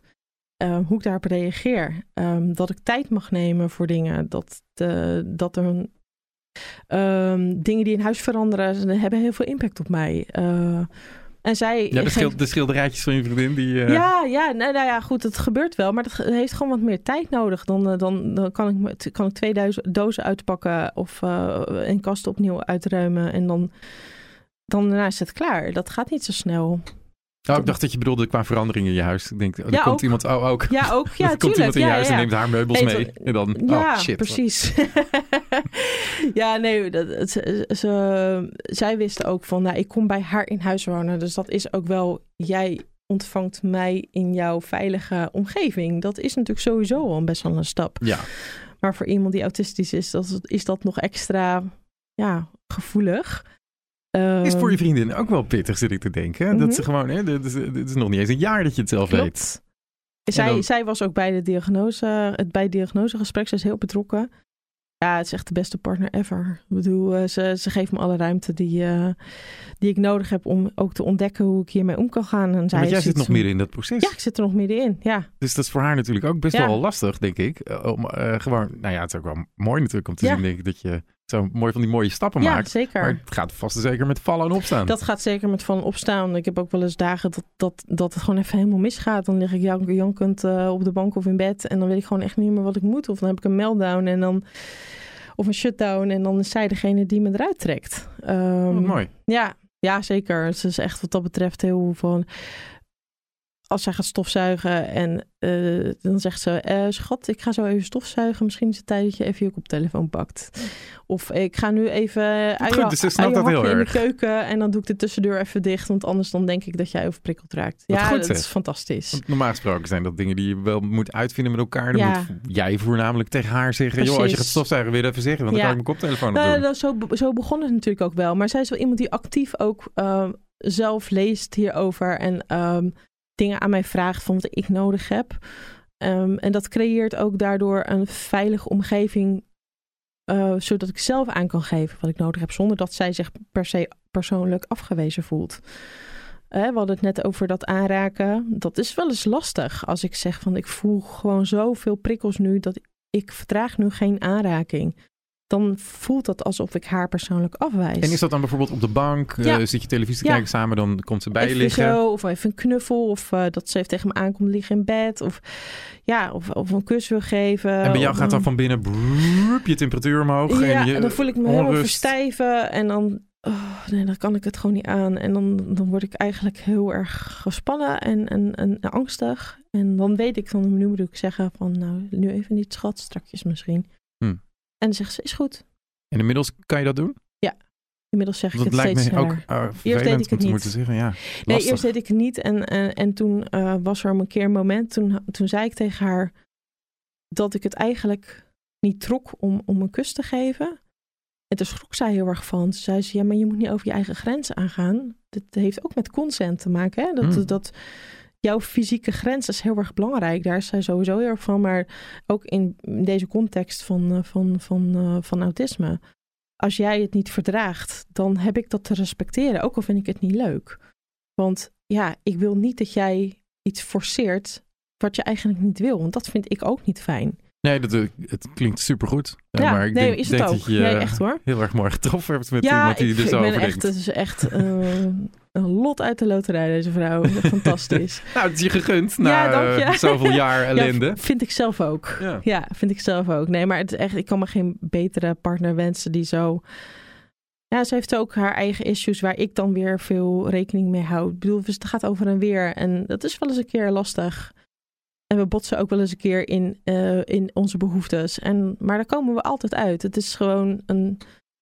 Onze basis is overal over kunnen praten. En ehm, we- dan komen we er ook altijd wel uit. Dus wel echt heel tof. Het is superbelangrijk. Ja, heel open super. te zijn. Ja, communicatie is. eh, en ze zeggen, ik ben autistisch, ik kan niet zo goed communiceren, maar dat lukt toch wel goed. Ja, dat is ook heel grappig, want de mensen die autistisch zijn die ik gesproken heb, die zijn Ja. eh, t- zonder uitzondering, uitzondering, zijn dat allemaal mensen die heel goed kunnen communiceren. We kunnen ju- over het Heel algemeen grappig. heel goed kunnen, k- kunnen communiceren. En juist ook juist veel voelen, eh, soms overmatig veel, dat heb ik in ieder geval. Ik kan zo overweldigd zijn door gevoelens die ik ook oppik van anderen of hè, van mezelf, de weerwar van gevoelens, dat dat juist eh, zorgt voor, eh, voor overprikkeling ook. Hoe, Dus, hoe, eh, hoe begin je je dag? Heb je, eh, doe, je, doe je een structuur Ja, en zo? Is dat een eh, zeker. heilig eh, woord bij jou? Ja, ook? dat, Hm. ja, structuur. Nou, het werkt gewoon het beste. Het Ja. werkt gewoon het beste als dingen op dezelfde manier gaan, want dan kost het me minder energie. Als ik werk, eh, dan sta ik eh, ja, altijd op dezelfde manier op, maar ik doe dingen ook op dezelfde volgorde. Dus ik sta op en ik eh, ga eerst eh, de koffie aanzetten en dan uh, tandenpoetsen aankleden. En, en ik heb mijn tas altijd op dezelfde manier klaarstaan. En, eh, ehm, op Ja, je lacht erbij, Ja. maar ik vind het zo grappig. En Ik moet er ook eens een keer daar iets dieper in gaan duiken hoor. Want ik, het, het klinkt allemaal zo bekend, al die ja, dingen. Ja, nou, het kan nooit kwaad, toch? Nou ja, dat weet Waarom ik zou je het niet nou, doen? niet dat het kwaad kan. Maar nou, waarom ik het niet zou doen is omdat ik eh, denk dat het niet zoveel uitmaakt. Ik weet, ik weet het allemaal van mezelf wel, dat Ja. ik dat soort dingen doe. En ik kan me ook wel, ik kan de ene dag bedenken, oh, dat is volop artistisch. Dat Ja. zo. Ik kan ook denken, nou, dat is, eh, maakt niet uit hoe, Nee. hoe het heet. Dit Nee. is gewoon hoe ik het doe. Ik zeg altijd van eh, de- eh, waarom je een diagnose zou willen hebben, dat, dat moet iets uitmaken voor jezelf. Ja, precies. En dat doet het bij mij. Ik, daarom zeg ik heel vaak, ik, als ik dit soort Ja. gesprekken en ik hoor van die herkenbare dingen, denk ik, nou moet ik Ja. dat toch nog eens een keer. Maar dan denk ik aan de Ja. andere kant, ja, waarom zou ik? Ja, nou ja, dat is inderdaad helemaal aan jezelf. Dat, eh, dat vind ik, ik, ik praat wel vaker met mensen die denken van, oh ja, dat, Ja, of dan denk ik van nou, hè, dat, je krijgt een soort radartje voor Ja, voor ja. mensen die een beetje hetzelfde spectrum vallen. En eh, ja, dan hebben ze er zelf geen behoefte aan. Ja, wie ben ik om ervoor te zeggen, dat moet je doen. Als jij daar zelf niks aan denkt, niks aan te hebben of, of dat het niks toevoegt. eh, te- Nou, ik heb heel vaak bijvoorbeeld met, ook met het aankijken van Mhm. mensen. Dat ehm, eh, vind ik ook vrij lastig. Maar ik heb dat gewoon altijd een beetje geschaard onder de noemer. Oh ja, ik heb iets. Hè? Een bipolaire stoornis. eh, Ja, ja. Hoe cares, hoe je het noemt. Daar komt het vast en zeker heeft het daar. is- Nu, nu denk ik gewoon, ja, dat is een feit dat Mhm. ik dat lastig vind. Ja. Ik probeer te doen en soms doe ik het niet. En eh, het maakt niet zo heel veel uit Dat hoe ik het noem. uit. Nee, dat maar is ik herken zo, het wel van mezelf Ja, inmiddels. ja, dus dat, ja. ik denk dat dat het belangrijkste is. Dat je die Dat dingen her- ook. leert herkennen. Ja, zeker. En dat het ook niet iets is wat raar is. Ik vind, Ja. het zou fijn zijn voor mij en voor heel veel mensen die autistisch zijn of die onder de vlag neurodiversiteit vallen. Hè, want daar vallen wel meer dingen onder, maar dat is wel een fijne noemer, vind ik zelf. Ehm, eh, ja, dat er, ik vind altijd een deel van hoe ik in elkaar zit of waar ik op vastloop, komt ook omdat de maatschappij ingericht is op een manier die totaal niet matcht met hoe ik werk. Hm. En er zijn zoveel mensen die, die anders functioneren dan tussen haakjes normaal. De normale. Ja. Ik zou het zo fijn vinden als er gewoon wat meer ruimte voor zou zijn op werkvloeren. In, eh, ehm, ja, inderdaad, het aankijken dat dat niet iets is wat per se desinteresse Nee, betekent nee, of, eh, of, of onbeleefdheid of zo. nee, nee. Terwijl ehm, dat is wel hoe we onze kinderen opvoeden. Hè? Je maar aankijken dat Ja. het beleefd is. Hè? Kijk maar aan. Ja. Dat zeg Kijk ik maar aan als ik tegen je praat. Precies. Ja. Ja. Terwijl ik gewoon weet dat eh, bijvoorbeeld ehm, de kinderen met ADHD, als die zitten te, te, te friemelen in de klas of met iets anders bezig zijn, lijkt het alsof ze niet opletten. Terwijl dat juist kan voor, voor kan zorgen dat ze juist Super opletten. opletten. Ja. Hè? Als dat soort dingen gewoon wat meer normaal zouden worden. Ik kan heel lang met mijn vriendin praten terwijl ik zit te gamen op mijn, eh, op mijn Switch. Ja. Dan kan ik veel beter luisteren naar wat ze zegt als, ik het, als wanneer ik eraan moet kijken. Maar wat is, eh, eh, wat is normaal in de, in de maatschappij? Dat als jij zit te gamen en iemand praat tegen je. Ja, Ja. hallo, Hallo, ik praat eh, tegen je. Leg even dat van ding je telefoon of van je, van je spelletje af. Ja, precies. Ik heb ook de, ik, volgens mij was het podcast met Marcel dat ik ook eh, die, eh, ook autistisch is Ja, ik ken hem. Ja, oh, echt? Ja, oh, ja. grappig. Nou, Door hem ben ik hier terechtgekomen. Oh, echt waar? Thanks Hoi Marcel. Thanks. Eh, Die, volgens mij was het met Marcel dat ik ook zat. En dat hij zei, eh, ja, ik vind het ook lastig om iemand aan te kijken. Dus ja, ik vind het ook wel lastig om iemand aan te kijken. Vervolgens gingen we heel de podcast gewoon elkaar aan zitten kijken. Zitten we dat doen in godsnaam? Maar Ja, het is ook iets wat zo erg ingebakken zit inderdaad. Van dat je gewoon, ja, daarom sociale normen zijn gewoon best wel ingericht inderdaad op, eh, op, niet, op neurotypische mensen, zoals we dat dan zeggen. Ehm, ja, het zou, het zou mij een stuk minder stress opleveren als dat soort dingen wat normaler werden. Als ik bijvoorbeeld me even kan terugtrekken in de sociale situatie. Zo van, nou, ik ben even ik, uitgepraat. Er zijn ook wel eens momenten dat praten voor mij heel moeilijk is. Dan als ik heel moe ben of ik ben overvraagd eh, of ik heb een, een shutdown, dan praat ik soms niet meer. ja, wat is dat, een shutdown? Ja. Leg dat uit. Ja, je hebt een meltdown en een shutdown. Dat zijn eigenlijk allebei gevolgen van overvraging bij autistische mensen. Ehm, een meltdown is vaak veel, veel meer naar buiten gericht. Dus dan ga je vaak huilen of een- sommige mensen worden boos. Eh, of het ziet eruit als boosheid, terwijl het frustratie en onmacht en angst kan zijn. Ehm, een shutdown is eigenlijk dat je implodeert van binnen. Dus dat diezelfde stress zich naar, naar binnen toe richt. Dus bij mij ziet dat eruit als dat ik Ehm, dan praat ik niet meer, dan ga ik, zeg ik niks meer, dan duik ik ook in elkaar. Ga ik soms in de foetushouding in bed liggen. Dan trek ik de deken over mijn hoofd. Dan wil ik geen, niks meer zien, geen licht, eh, geen geluiden. Ehm, dan kan ik niks meer hebben. Dus shutdown als in gewoon echt letterlijk Echt het knopje uit en zoep Ja, uit. dan, dan, gaat, dan, dan moet de boel gereset worden. Mhm. is heel Hoe lang duurt dat? Ja, dat duurt soms wel een tijdje. Soms een half uur, soms een uur. En daarna ben ik zo uitgeput dat ik in slaap val. Oh ja? Ja, dat vraagt heel Wat, fysiek wa- heel en wat, veel. wat gaat er in je hoofd om als je dan ligt onder zo'n deken in een foetushouding? Nou, dat is best wel eenzaam. Het is best wel, het kan soms heel angstig zijn. En soms is het gewoon van, ik, oh, ik weet wat er gebeurt. Ik, ik lig of zit het uit. Maar wat, hoe, ik probeer te bedenken Ja. wat het dan in je hoofd doet. Probeer je te slapen op dat moment? Of Nee. probeer je gewoon heel rustig te worden Ik- en te denken ja. aan eh, zen? En, Nee, het denken lukt ook niet echt meer. Het is gewoon, het wordt, je wordt heel primair op de een of andere manier. Het is een soort van, ik het begint bij mij meestal met, met me angstig voelen. Dus ik voel dat ik angstig word, dus dan ga ik, word ik stiller. Dan ga ik niet zoveel meer zeggen. En dan voel ik dat ik fysiek in elkaar wil duiken. En dat doe ik dan ook. En soms ga ik huilen. Ehm, Maar dat, versta- dat versta ik dan meer onder meltdown. Maar dat is misschien... Ja, ik- dat, dat is gewoon mijn eh, domme begrippen. Maar nou meltdown is se, huilen het is en... eh, onwetendheid, ja. precies, ja. Ja, het is... Nee, Domheid, onwetendheid. Het, is, eh, het is Nee, maar precies. Maar, Nee, maar... ehm, maar een meltdown is... Want dat, dat, dat ken ik wel ook uit mijn eh, diagnose, zeg maar. Een meltdown is echt... Voor wat ik dan daaronder versta, is echt... Totale emotionele ineenstorting. Ja, precies. En dat is bij mij ook wel eens zo. ehm, maar dan ga ik gewoon heel hard huilen. En dan ga ik soms. ehm, ja, dan word ik ook. heel- Ik word, ik word sowieso altijd angstig bij beide dingen. Maar bij mij is het gewoon meer dat het meer. Dat, dan kan ik nog wel praten. Oké. Dus, ehm, en bij shutdown implodeer ik echt. Dus dan is het gewoon stilte. En dan wil ik echt een deken over mijn hoofd trekken en niks meer zien, niks meer horen. Heb je dan ook moeite met le- letterlijk gewoon je lijf bewegen? Ja, Gewoon je arm optillen? ik had het laatste keer. Ik wist gewoon niet meer hoe ik mijn trui aan moest trekken. Mijn broek. Precies. Ja, Oké, dan dat- snap ik je- de, de term executieve functies eh, komt dan wel eens voorbij. Dat betekent dat de functies die ervoor zorgen dat je een taak uit kunt voeren, dus planning, organisatie, ehm, communicatie, die dingen vallen dan helemaal weg uit. Of grotendeels. En dus kan dat ineens gebeuren? ja, kan Voel je het nog- aankomen? Steeds vaker. En dat is wel fijn, want ehm, het is echt onwijs kut om mee te maken. Het voelt echt heel naar. Het voelt als een soort overload, eh, angst. ehm. ik, weet, ik weet zelf ook niet meer hoe, hoe ik ermee om moet gaan. Dus het, soms overvalt het me ook. Maar steeds vaker voel ik het aankomen. Dan leer ik de signalen herkennen van... oh, wacht, nu ben ik overvraagd.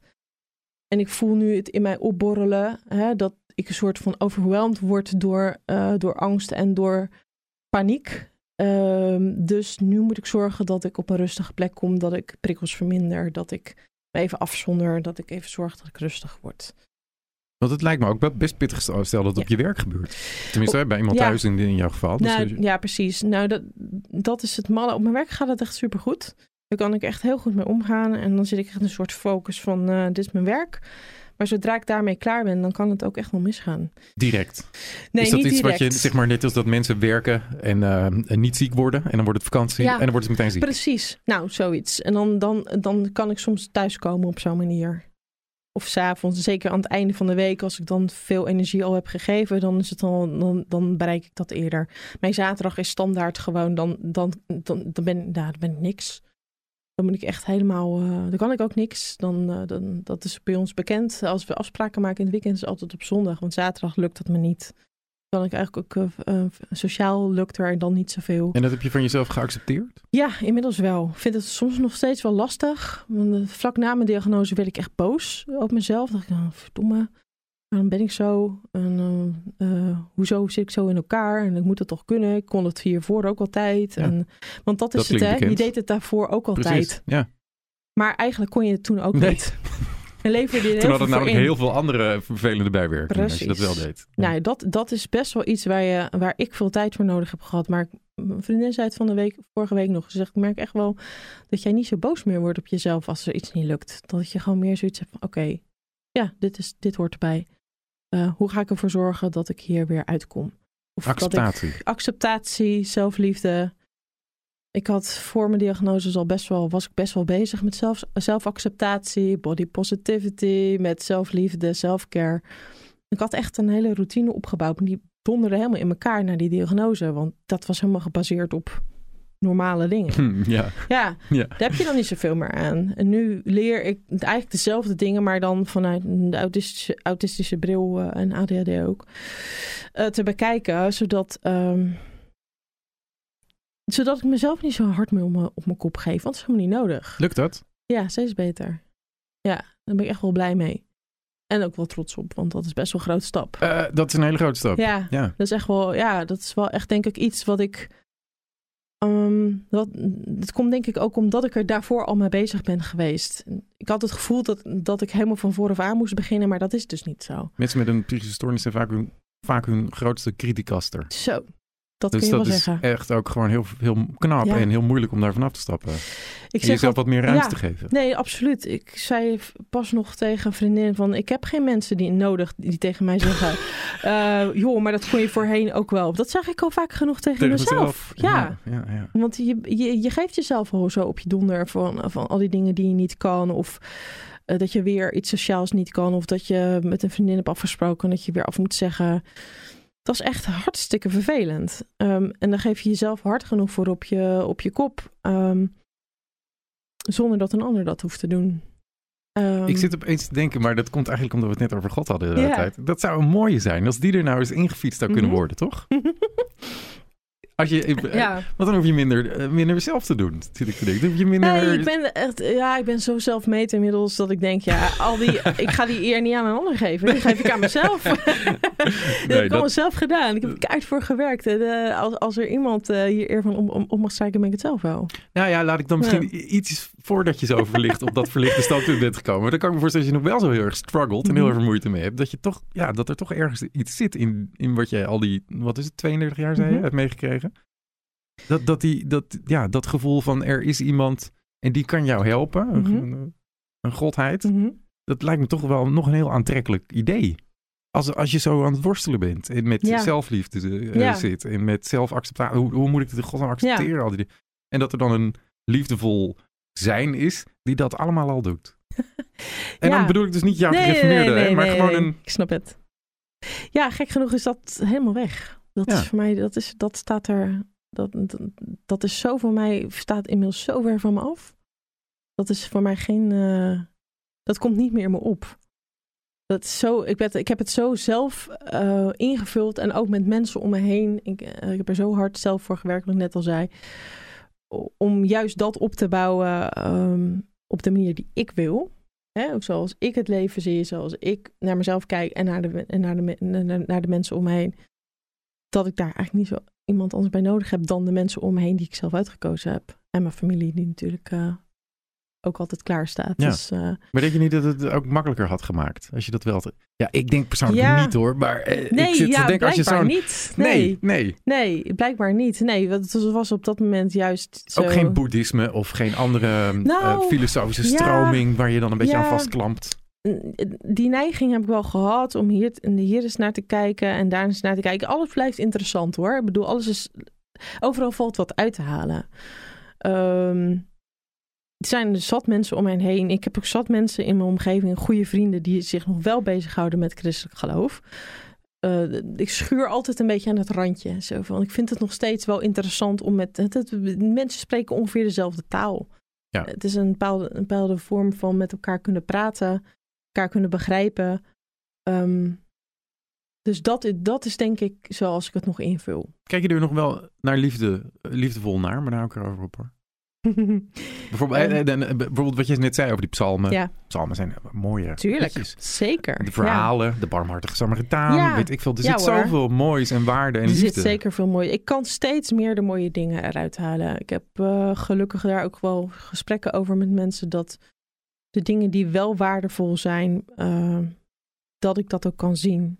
Maar dat ik dat net zo goed kan zetten naast de dingen die wel moeilijk waren. Dat het elkaar niet uit hoeft te sluiten. Dat het niet zo is Nee. van ik ga, gooi alles weg.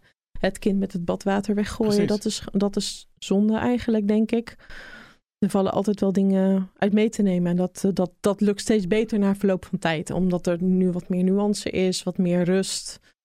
Eh, wat ik al zei, die afstand eerst was echt... Die, die, die recalcitrantie was nodig om, om die afstand te creëren. Hè, om mezelf los te maken. En nu kan ik steeds meer zoeken naar wat verbindt nog wel. Of wa- waar, wa- welke dingen waardeer ik nog wel. Of welke dingen vind ik nog steeds leuk. Of wat je hebt het alleen niet meer me. nodig.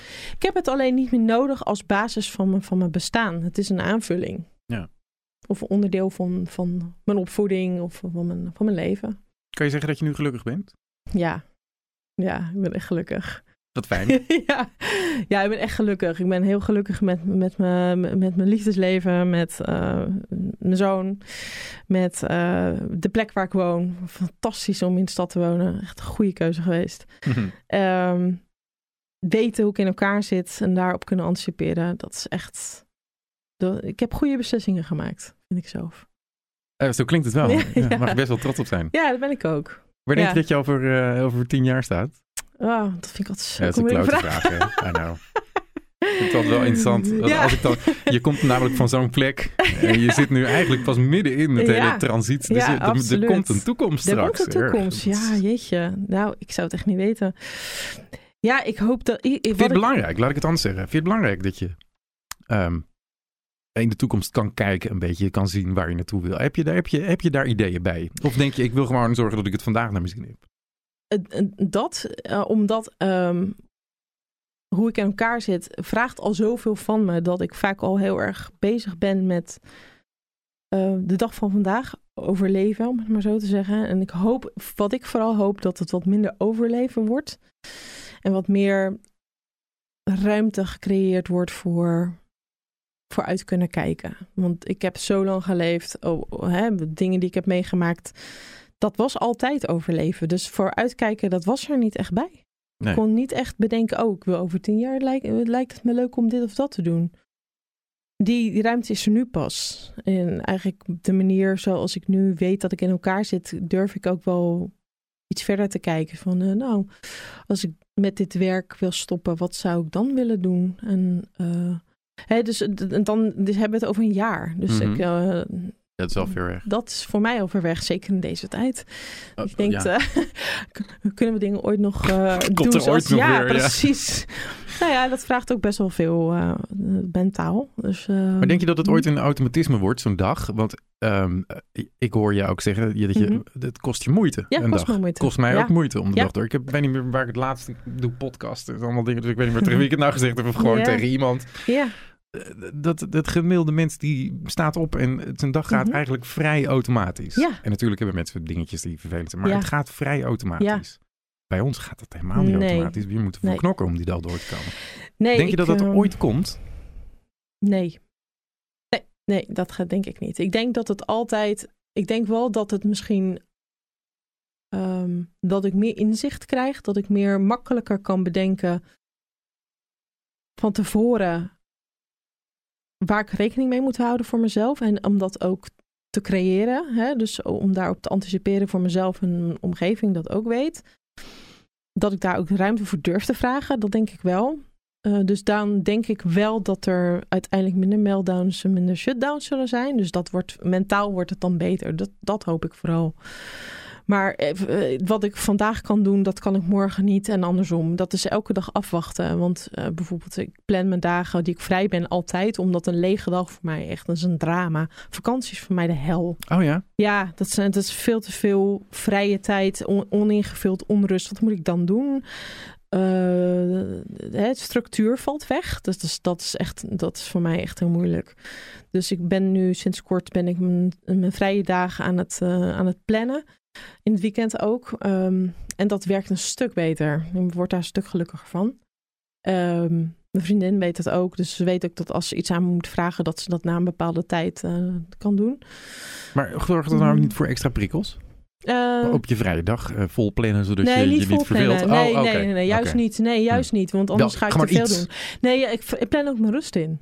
Oh, oké. Ja, ik plan Da- echt mijn Dat da- snap ik mijn- hem. Ja. Precies. Het is dus niet een, een lege dag van, oh, lekker uitslapen. Ik zie wel even wat ik ga Nee, nee, doen. nee, nee, nee, nee, ik snap hem. Dus dan denk ik Dus van, nou, ook de ontspannende momenten Ja. moet je gestructureerd... ik, ja, die moet ik ook inplannen, omdat ik anders of te ver doorsla of niks doe. Ja. Eh, en, En dat is allebei niet goed. Nee, het is allebei niet goed. Er zit niet zoveel tussen als ik dat aan mezelf overlaat. En vakanties, want je zei het al, dat Ja. vind je ook lastig. Gaan jullie wel eens op vakantie dan? Ehm, eh, ik merk steeds vaker dat vakanties voor mij lastig zijn. Dus op vakantie gaan. Dus naar een andere omgeving. An, eh, hè, dus ander bed, een andere geuren. Ik ben ook echt vrij geurgevoelig. Ehm, ja, alles bij elkaar. Dat is best wel, vraagt best wel veel. Ik vind het heel leuk. Ik hou echt van reizen. Dat wou ik vragen. Vind Ja, je het wel leuk? Ik vind het wel leuk. Ik Hmm. hou juist, hè, dat is ook weer die prikkels die ik nodig heb. Hè. Qua ADHD heb ik dat echt wel nodig. Onderprikkeling is ook een ding. Dat je, als je te weinig prikkels krijgt, voel je je ook rot. Ehm, dus soms is het ook de balans van genoeg prikkels en te veel. En uh, is altijd. eh, Dat is lastig, de vakanties plannen. Yup. Ja. Want waar ik- heb je genoeg prikkels Ja. en genoeg structuur en rust Precies. om ook weer gewoon Ja. die prikkels een beetje af te kunnen... Ja, dus dat is dat. Het is nooit. Het gaat nooit vanzelf. Dat is het. En dat zal nooit. Zo, dat zal altijd Nee, zo blijven. dat Dat is altijd. ik net te een, vragen, eh, dat lijkt me zo-. Ja.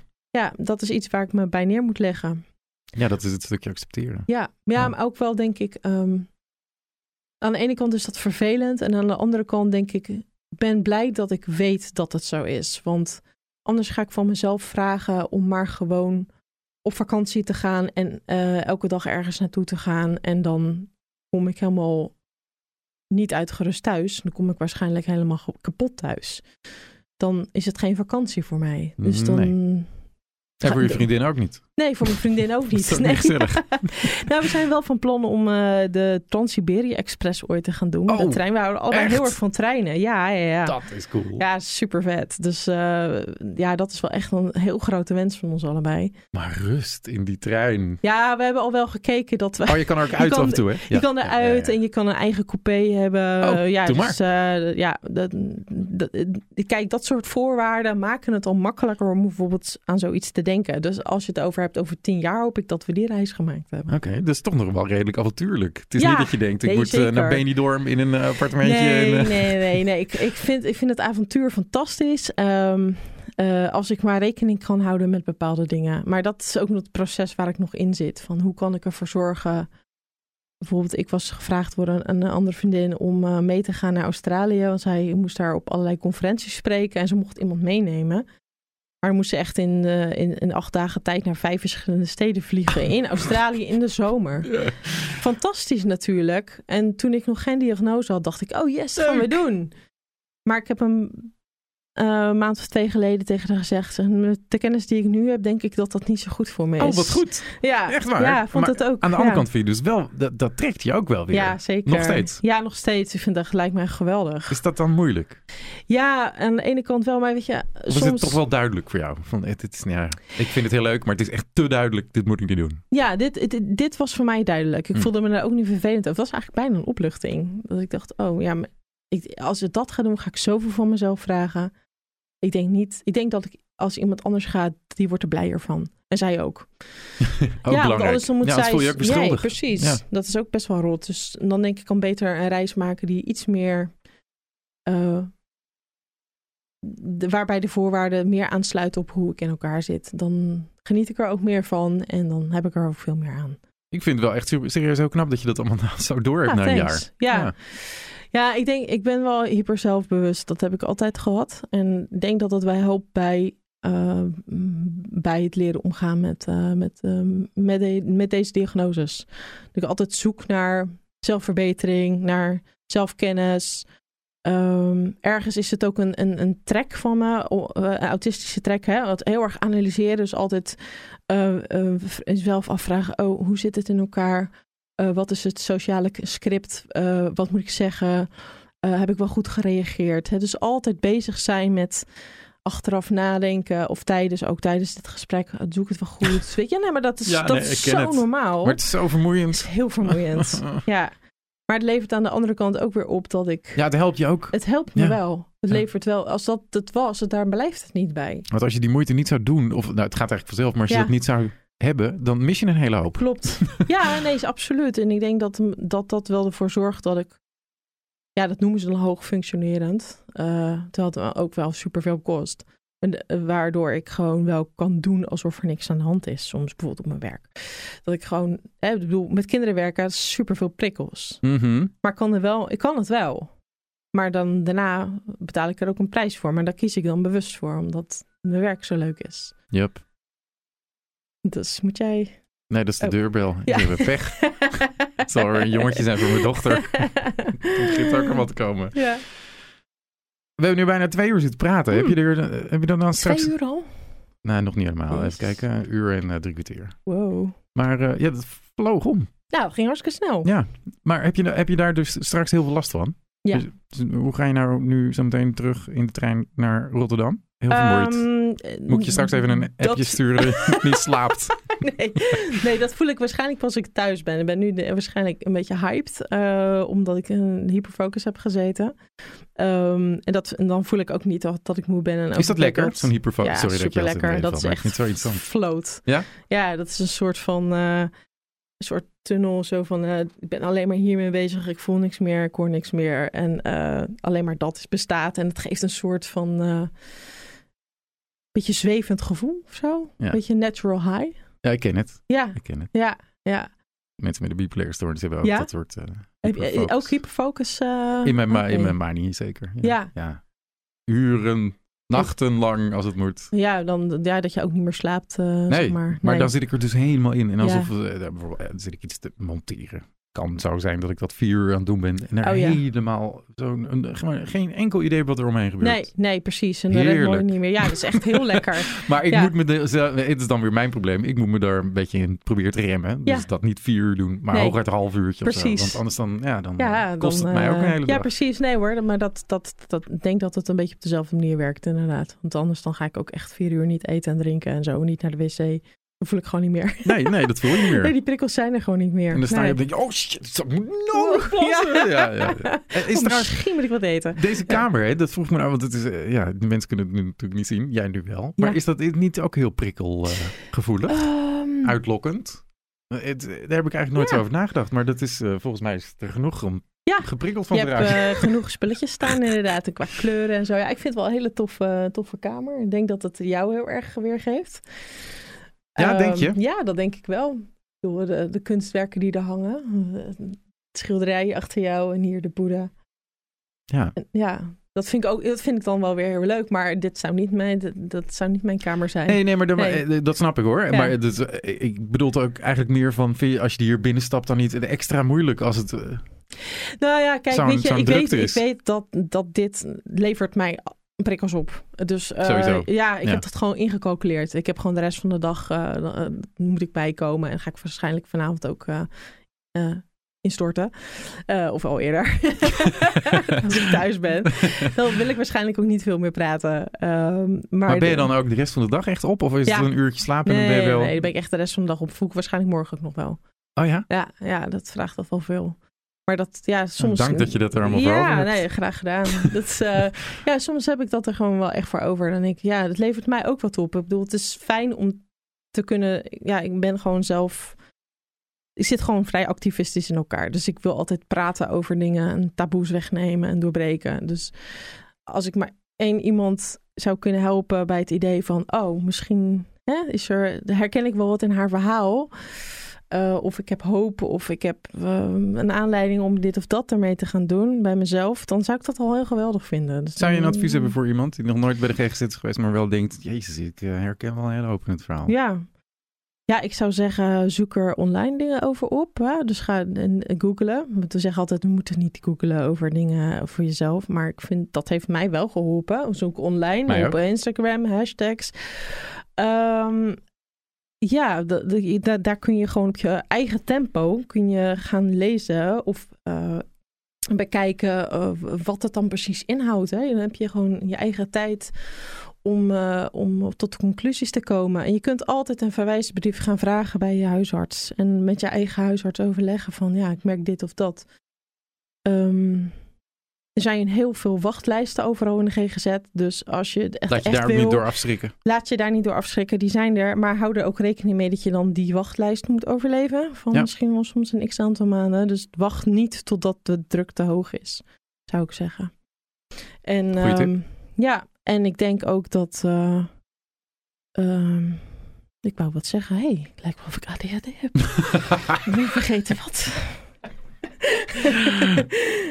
nou ja, ik denk dat wel- daar wel op neerkomt. Ja. En dat, eh, dat je ook echt wel goed kunt leven met, met deze diagnose. en vind het niet te eng, zou ik ook willen zeggen. Nou, dat vind ik een goede aanvulling. Ik vind het ook niet te eng. Wees niet bang of zo van, nou, autisme is de ongeveer de engste label ooit. Want dat is het gewoon Nee. niet. Nee. En überhaupt, eh, er zijn een Met alles. heleboel mensen die een eh, psychische Mhm. aandoening, kwetsbaarheid, stoornis, hoe je het ook wil noemen, hebben. Of in hun leven daarmee in aanraking komen. Absoluut. Ooit een keer last van iets krijgen. Ja. Dus eh, zo gek is dat echt niet. Ik geloof 47% of zo van de Zo, mensen dat is echt eh, veel. Ja, krijgt, Ja. krijgt in hun leven, in je leven ergens een keer iets, zoiets voor je kiezen. Dus Ja, en wees ook niet. Ik, aan, aan de ene kant kun je bang zijn van ja, wat zullen mensen zeggen? Dat snap ik heel goed, want er zijn altijd mensen die wat vinden. Maar ehm, er, zijn, er zijn ook heel veel mensen die je steun gaan geven. En vinden sowieso altijd wat. Precies. Het maakt niet uit of je nou die luistert of niet. Nee, maar dat kan je wel tegenhouden. Dat snap ik ook wel. Want het is best wel soms zo stigmatiserend dat het je tegen kan houden. En dat heb- had ik zelf ook wel een beetje. Dus dat snap ik heel goed. Maar Maar als je dat op een weegschaaltje legt van Ja. de, de last die je er zelf van hebt, of de oordelen die mensen ook misschien Ja. zouden kunnen hebben, nou, Ja. dan, dan weet ik wel aan welke kant bij mij de weegschaal Ja, bij mij ook, absoluut. Dus dat is ook wel, denk ik, wel goed om, eh, om nog te zeggen. Mag ik je heel erg danken voor dit Ja, gesprek? Zeker. super interessant. En ik vind dat je het echt eh, super knap doet voor eh, iemand die nog maar een jaar zo al die Ja, dingen... dankjewel. Jij ook bedankt. Heel graag gedaan. Yes. En tot zover deze aflevering van De Pillenkast. Heb je zelf hulp bij psychische problemen nodig? Neem dan contact op met je huisarts. En heb je gedachten aan zelfmoord? Bel dan met 0800 0113 of met 113 en praat erover. Volgende week weer een gloednieuwe Pillenkast. Graag tot dan.